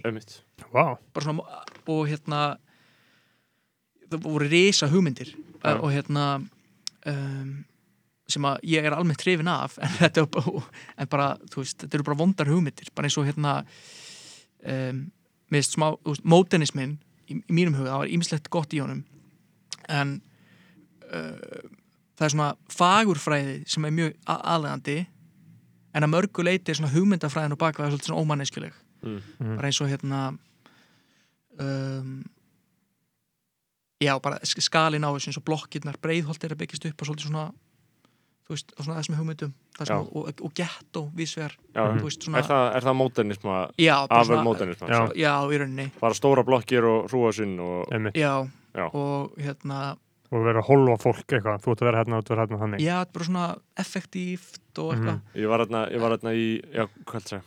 Já, en, en hérna um, þannig að þú veist eins og þú varst að segja Simmi Vil, hann er eitthvað svona hann, hann vill Costco og allir á bílum og eitthvað svona og segir bara það, er ekki, þú veist að skuttla börnunniðinum og þetta er ekki hægt og eitthvað svona en ég meina, það er náttúrulega ekki hægt vegna þess að ja, það er hægt, en það virðist vera svona ómjörgt vegna þess að við erum búin að byggja upp borgin okkar þannig að já, já. það er erfitt út af því að kerfið er bara hanna fyrir bíla. Ég hugsa líka sko út af þetta sem núna er algjör krísa á húsnæðismarkaði. Það er svo rosalega miklu meiri eftirspurn en það er frambóð Já. Uh, þú veist, það er bara, þið ættu að sjá hvernig það fer fram, þetta er bara, þú veist, þú getur bara selt hvaða rusla hólu á 40 miljónir það er verið að selja bensa og lötur á sama verði eiginlega í dag, finnst manni. Mhm.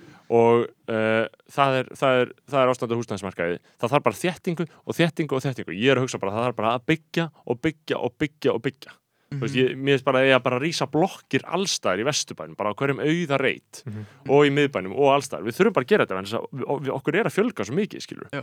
er það ekki bara það sem Er okkur að gera? fjölga svo mikið? við erum orðið 370, veist, sko, Já. á Íslandi Og fi- 50.000 útlendinga með, með í því, ja. já, örgulega Eru Og- þeir, eða veist, er, ég, ég, er, ég er ekki alveg viss með það. Nei, ég, ég, ég veit að búa 50 sem sagt, erlendir ríkisborgarar á Íslandi, 50.000 Já. já, en En svo- hvað, Eru þeir með í þess að 37 stölu ekki? Ég veit já, já, þau eru með 370 Já, já, það eru íbúðar á landinu bara.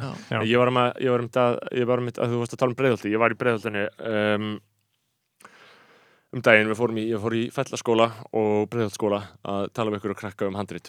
Og uh, í fellaskóla eru 90% nefnda með þessast íslenskum sem annamál. Já. 90% uh, og þetta er sko veist, og, og það er náttúrulega bara, þetta er geggjastarf sko, geðvitt Mhm. að koma þarna inn og bara gó- góður andi og frábæri kennarar og bara snild í gangi. En byrju, það verið að fucking ringja og ringja í mig maður. Jesus fucking Christ, hver myndi ringja svona fucking oft maður, býðin þess uh, já, Hvað sorry. minnur, skelltu bara á. Já, ég bara, ég er að fá síndala aftur og aftur. Við vorum í fellaskóla og flott starf og skemmtilegt. Um, og það sem gerist er að uh, já, byrju uh, já, ok, sorry. Herri, ég er komin aftur. Þetta er gott útarsætni þið, þið eru ennþá þetta með mér. Um, Það sem gerist þarna er að náttúrulega, þú veist þú ert með 10% af sko, fólki sem íslensku sem móðumál og þetta myndast algjör svona bara sérstu hverfi, í breiðholtskóla er þetta 50% eða eitthvað, skilur uh, í, í, við fórum líka í Ásbrú sem er þarna í keflaug gamla beysið það eru 50% erlendir Mhm. finnst ykkur þetta ekki mikla tölur veist, þetta Jú, þetta eru helmingur sko, veist, það er þetta líka, þetta er svo, þú veist, ef maður er að hugsa þetta svona blákalt, að þá er, er hérna, þú veist, auðvitað er slæmt ef að, hérna, sem sagt, uh, fólk sem er erlend með uppruna er að einangra sig frá Íslandingum. Já, En það er líka bara svo ógeðslega sorglegt að við séum að, svona, sem, að við séum ekki að nota þennan resource Mhm. á okkar börn sem eru öll bara eitthvað, skilur, Já, bara eitthvað verandi nasistar. Já, ég, þú veist, ég segi já, svona, já, ég segi þau bara að eitthvað í iPadnum Já. og vera hvít og í dýri fötum Já, ég meni, bara- ég, ég, það, var, það var eitt strákur í mínum árgangi sem var ekki Já. hvítur í Um, grunnskóla Já, Mhm. og, og ég meina, hann var aldrei sláttin að finna fyrir því, sko. já, algjörlega og líka, líka og þetta er bara svona sagan allstæðar, þannig að Já, ég held að, það- og þetta er auðvitað að breytast en, en, en það er ekki nema sko bara 10, 12, 13 ár síðan að var bara lenskan að fólk bara talaði um bara tælendinga af Vietnam filmsendinga, bara nota orðið bara núðla og grjón, bara já, óspart fullkomlega normaliserað. Já, sko ég, ég en, en og, og ég held að það sé oft talað um um, um til þess að fellaskóla, breiðalskóla og einhverjum svona skóla sem eitthvað svona eitthvað vandraða staði skilur að þetta sé Mhm. vandamál þetta en þú veist, ein- eins og ég segi, ég kom hann inn og þetta var náttúrulega ekki langu tími sem ég var þarna og ég fekk ekki, maður sér ekkert vandamál ef það eru vandamál, en þetta var bara áhuga samir, ferskir krakkar og alls, töluðu alls konar íslensku alls konar skrítið sitt í gangi þarna Já. skilur Mhm. og bara svo, svo frjótt umhverfi skilur, það býrst, Mhm. það, þú veist, ef, þú- leifir þessu, ef þú býr til réttar aðstæð þá verður þetta bara einhver algjörri veistlu sko. Mhm. Já, en í, í stæðan fyrir að búa til eitthvað svona einhverja skiptingu og, og bara einhver, einhver landamæri skilur algjörlega og það er hérna held, við þurfum líka að blanda að byggð skilur, við þurfum, það er svo mikið algjörlega skilur og þú þetta að vera með eh, hérna, þú veist, hverfin með ekki skiptast eftir verðpunktum Nei, þú verður að vera með einhverja blöndu af hérna, og alveg sama með, hérna, með hérna, félagsýbúri að það með ekki vera einum stað. Mm. akkurat. Þess vegna er borgin til dæmis með góða stefnu núna að kaupa alltaf 5% af ný, nýbyggingum eh, sem sagt, nýbyggum íbúðum Mhm. í verkefnum Já. til þess að hafa þar félagsýbúðir þannig að þetta sé eh, blöndun í þessu. Einmitt. Sérstaklega í samengi við hérna, veist, krakka sem að eiga fóraldra sem eru ekki sem sagt, fæðist ekki hér. Mhm. Að hérna veist, við er, erum með mega, veist, Ísland er mjög racist land, skilur en við bara kannski erum ekki alltaf mjög meðvituð um það því að við lendum ekki í áreksturum svona dagstælega Mhm. mikið, Mhm. þú veist, við erum ekki drosna mikið með fólki sem er ekki hvít, sem, við sem erum hvít Við búum bara, við frekar mikið apartheid hérna. Já, við, við verðum mikið vörð við þetta Já. þetta er 90% í breiðolti og við Einmitt. búum hérna í vesturbænum, miðbænum skilur. og, og þannig skaparu í rauninni veist, fordóma Þannig út af því að ef þú ert bara, bara, veist, þetta hefur verið skoðað bara, bara ef þú spyrir einhvern, bara hvert er þitt viðhorg gagvart einhverjum x-hóp sem er öðru sem þú? Mhm.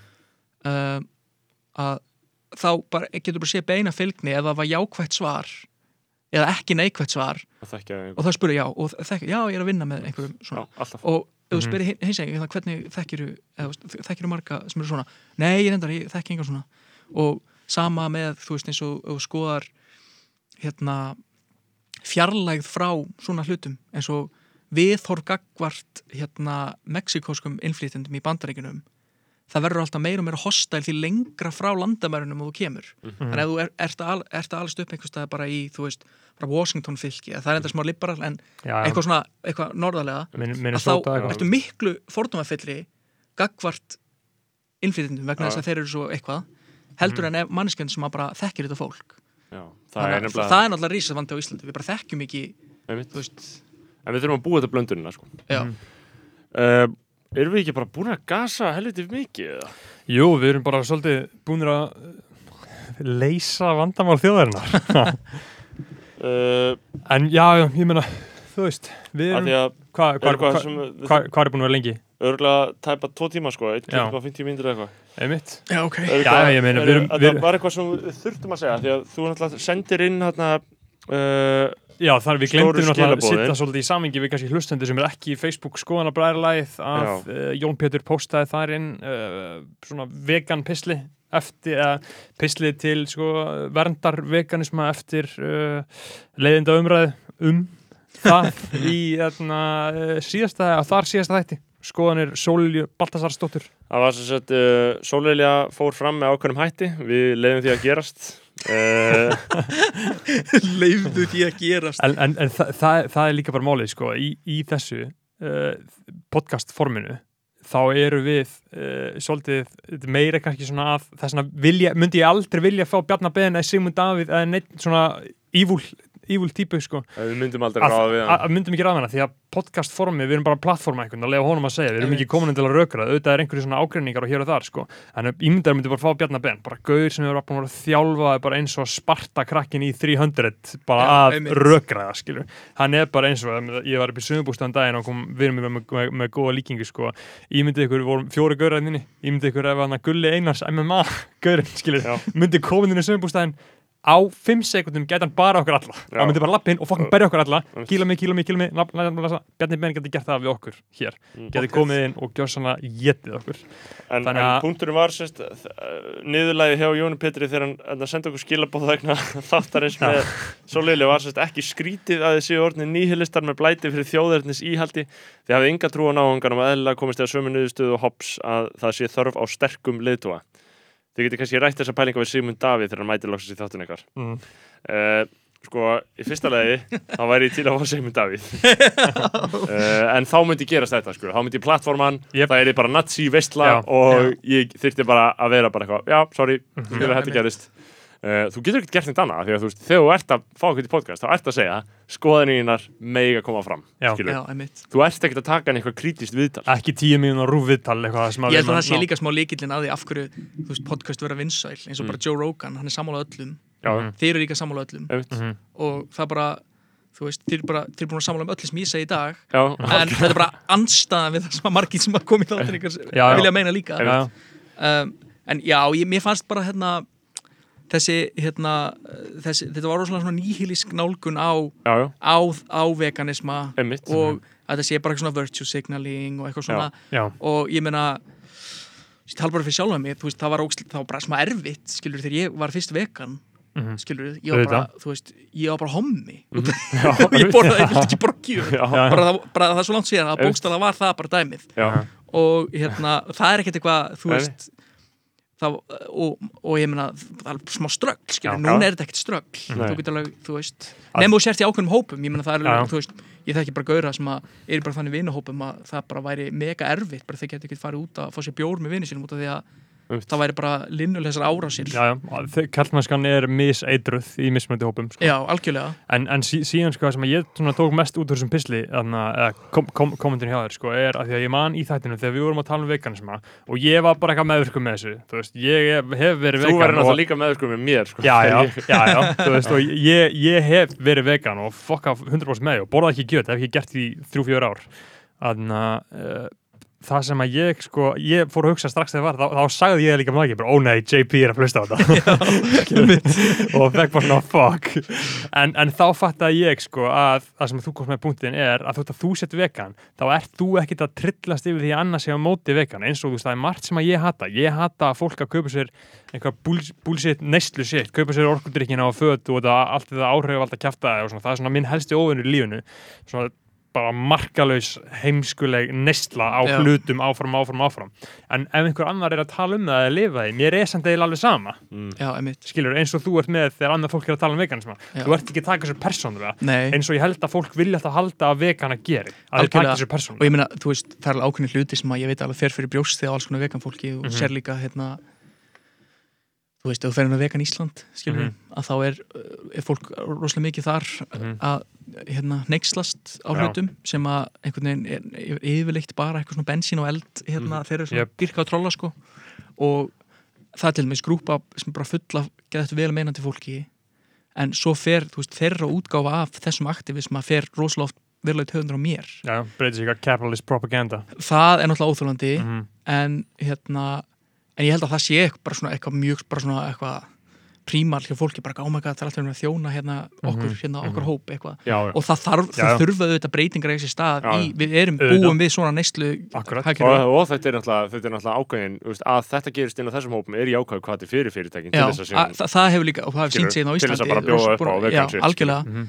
en það sem að mér finnst pyrrandi til dæmis þar inni og líka bara almennt í Mhm. umræðu um veganisma þegar það er verið að setja það eitthvað svona undir sama hatt og keto eða eitthvað já, ég meina, þú veist uh, auðvitað er, er eitthvað vegan mataræði sumir eru gera það bara út af heilsu farsástæðum eða, Mhm. eða eitthvað svona um, en í vegan Ísland þá er- og í líka bara í einhverjum svona bara öllum grúpum sem hafa eitthvað með stýravernd eða græmiðsætu lífstíl eitthvað að gera Mhm. að þá er þetta rosa mikið svona þú veist, fólk að, kvartunda að ég hafi fengið kjúkling á pítsuna sína bara Mhm. posta því, deila því með 30.000 manns. Já, og, og hérna, eða að deila einhverjum sætu myndböndum á dýrum eða að tala um einhverju uppskriftir og eitthvað. Og ég meina auðvitað eitthvað uppskrifta Mhm. veist, það, veist, þetta, er allt, þetta er allt í góðu Basic, en það sem, að, það sem að þetta hefur smá í för með sér er að fólk fer að líta á veganisma sem bara eitthvað svona mataræði. Veist, þannig að ef að þú þú veist, eh, sem þú getur lagt að jöfnu við keto og ef þetta er bara mataræði þá getur þú bara einhvern veginn talað um það sem slíkt endalaust og ekki vera að tala um ástæðunar á baki þess. Veist, ég er ekki dýravernda eh, sinni eða dýraréttinda sinni vegna þess að ég er vegan. Heldur er bara þannig og, og stundum finnst maður þetta vegan dæmi að maður sé einhvern veginn hluta einhverju svona einhverju reyfingu sem maður er ekkert alltaf sammálaði hvernig þau líta á hlutin endalist að þú veist, ég bara, mér misbýður það hvernig bara hvernig landbúnaðarkerfið okkar gengur út á hérna bara misnótkun á lifandi og finnandi verum, bara veru sem hafa, tilfinningar hafa lífsvilja Mhm. og, og vilja bara lifa sínu lífi. Og við erum bara búin að búa til eitthvað algjört bara margt, algjörlega martraða dæmi og við myndum horfast í augu við hvernig þetta er bara neytundum er raunverulega að skoða þetta. Það er bara fullkomna dystopíst kerfi skilur, þetta er bara, þetta er bara eitthvað svona Já, ég meina, við erum að setja upp eitthvað svona hræðilega mynd í The Matrix þar sem að fólk er bara eitthvað tengt við einhverja vélar og eitthvað, þú veist, þetta er bara, þetta er það sko. Og, og þetta er þetta er, þú veist, ógeðslega hérna já, þetta er bara svona kerfi sem að, sem að gerir okkur að verri manneskum held ég líka. Já, já. og, og, og, bara út af því að ég er með þessar skoðanir að þá vill þannig til að ég kann ekki við að taka þátt í kerfinu og þess vegna er ég vegan. Já. En þessi, þetta, þú veist þannig að Og þú getur líka fólk er að horfa á þetta í þessir réttri röð skilur, að, að þú, þú, ert með, þú ert með einhverja skoðanir um það hvernig hérna, heimurinn eigi að vera og eigi ekki að vera og þú þarft að taka ákvarðanir í samræmi við það. Bara ég ætla ekki að taka þátt í þessu vegna þess að jara jara. Já. og hérna þannig að þú veist þegar þú ert bara endurlega að tala um þetta sem eitthvað svona bara eitthvað hérna, kjúklingur á, á Dominos og hérna, tilbúð á þessum stað og sæ, ekki sætt vídeo og svo leiðis að þá er heldur rosalega auðvelt fyrir fólk sem er að horfa á þetta utanfrá að horfa bara á þetta sem eitthvað svona kvöld í staðin fyrir að þetta sé skilur þetta er, þetta er stjórnmálaleg skilur, hálf trúaleg Já. þú veist, já, já. Þetta er samfæring og, og það, það, það er mjög auðvelt fyrir mann sjálfan að raunverulega gera eitthvað í þessu af því að eins og þú sagðir ef það myndi koma bara svona ágætlega greindar geimvörur á gameskipi sjá nákvæmlega hvernig við erum að gera þetta hérna í jörðinu akkurat með þetta, þá hugsaði ég bara wow og maður getur breytt einhver í því að þú veist maður getur allan að persónulega gert eitthvað sjálfur í þessu. Ein, eins, og að, eins og að myndi koma geimvörur greindar geimvörur á gameskipi fyrir utan Bali á eigina Já. og sjá ríka hvíta fólkið liggjandi á ströndinni og indonesísku þjóðan að vera þjóna þeim mismunandi litur já, á fólkinu sem er þjónað og er að þjóna Einmitt. þá sérðu strax að það er eitthvað að þarna algjörlega en og, það er og, voða lítið sem maður getur gert einhvern veginn í því sjálfur og ef að þú myndir taka þennan hérna sama svona vitsmunalega mun Mhm. á okkur og veist, svínum bara eitthvað Mhm. og, og þessar geimverur sem kæmið væru jafn mikið greindari og við Mhm. erum Mhm. að þá samkvæmt öllir þeirri lókík sem að við beitum að þá náttúrulega væri það bara fullkomlega réttlætanlegt ef að geimverurnar myndu Drepa okkur. drepa okkur en sleifa okkur. Sker hérna, okkur í sundur. nei, neyða konur til þess að eignast börn taka svo börnin Já. frá þeim og taka mjölkina og allt þetta. Að ég meina. Það hljómar alltaf smá eitthvað tinnfóðal hægt að vera að tala um þetta svona en Einmitt. þetta En- er samt Já, já, þetta er sambarlegt Þetta er, þetta er, þetta er sambarlegt eins og ég segi, heimurinn, hann er að krömbla. Invest in crypto. Invest in crypto Þetta er slagurinn hérna hjá okkur í E- þessari eða- upplý, upplýst eða, eða eins og sko og svo er Dominos sko með nýja vegan Já. eða eins Erðu, og svo ætla ég að víkja hérna að sponsornum okkar. Já, eða, eða sko þegar þið tölum um sko, fjárfæstingar á fastegnir sko, en, en, King, King Jeff uh, sem er í skonabræðinu hann, hann sagði sem, sem, að, sem að hefur setið svo mikið í mig sko, og hugsa hann getur fjárfæst svona fyrir dóttur sína og eitthvað svona, hvað er bestlega fyrir fjárfæst sko. það er bara fastegnar og myndlist. Já. ekki kaupa neitt nefnum fastegnar og myndlist. Hlutabref, Ég- gimmick, bullshit. Ég er alveg vissum að þetta sé fastegnar og myndlist. ekkert alveg fáralegt sko. Herðu, þarna Erum við ekki bara flottir? Jú, Ég held það. Takk kærlega fyrir komuna Jón Pétur. Já, gaman að tala við ykkur. Við fá þetta í rétt samhengi. Já, og við bara Erum við ekki að fara núp með helgina? Ég bara held að hljóta að vera. Eða ekki? Veistla. það, metum það fram Guð bless ykkur kæra hlustendur. Jackie, fæ- fara á Patreon, segðu vinnum ykkur að fara á Patreon. Farað að fá okkur nýju vegan pizzuna á Dominos. Já, Við sjáumst. Bye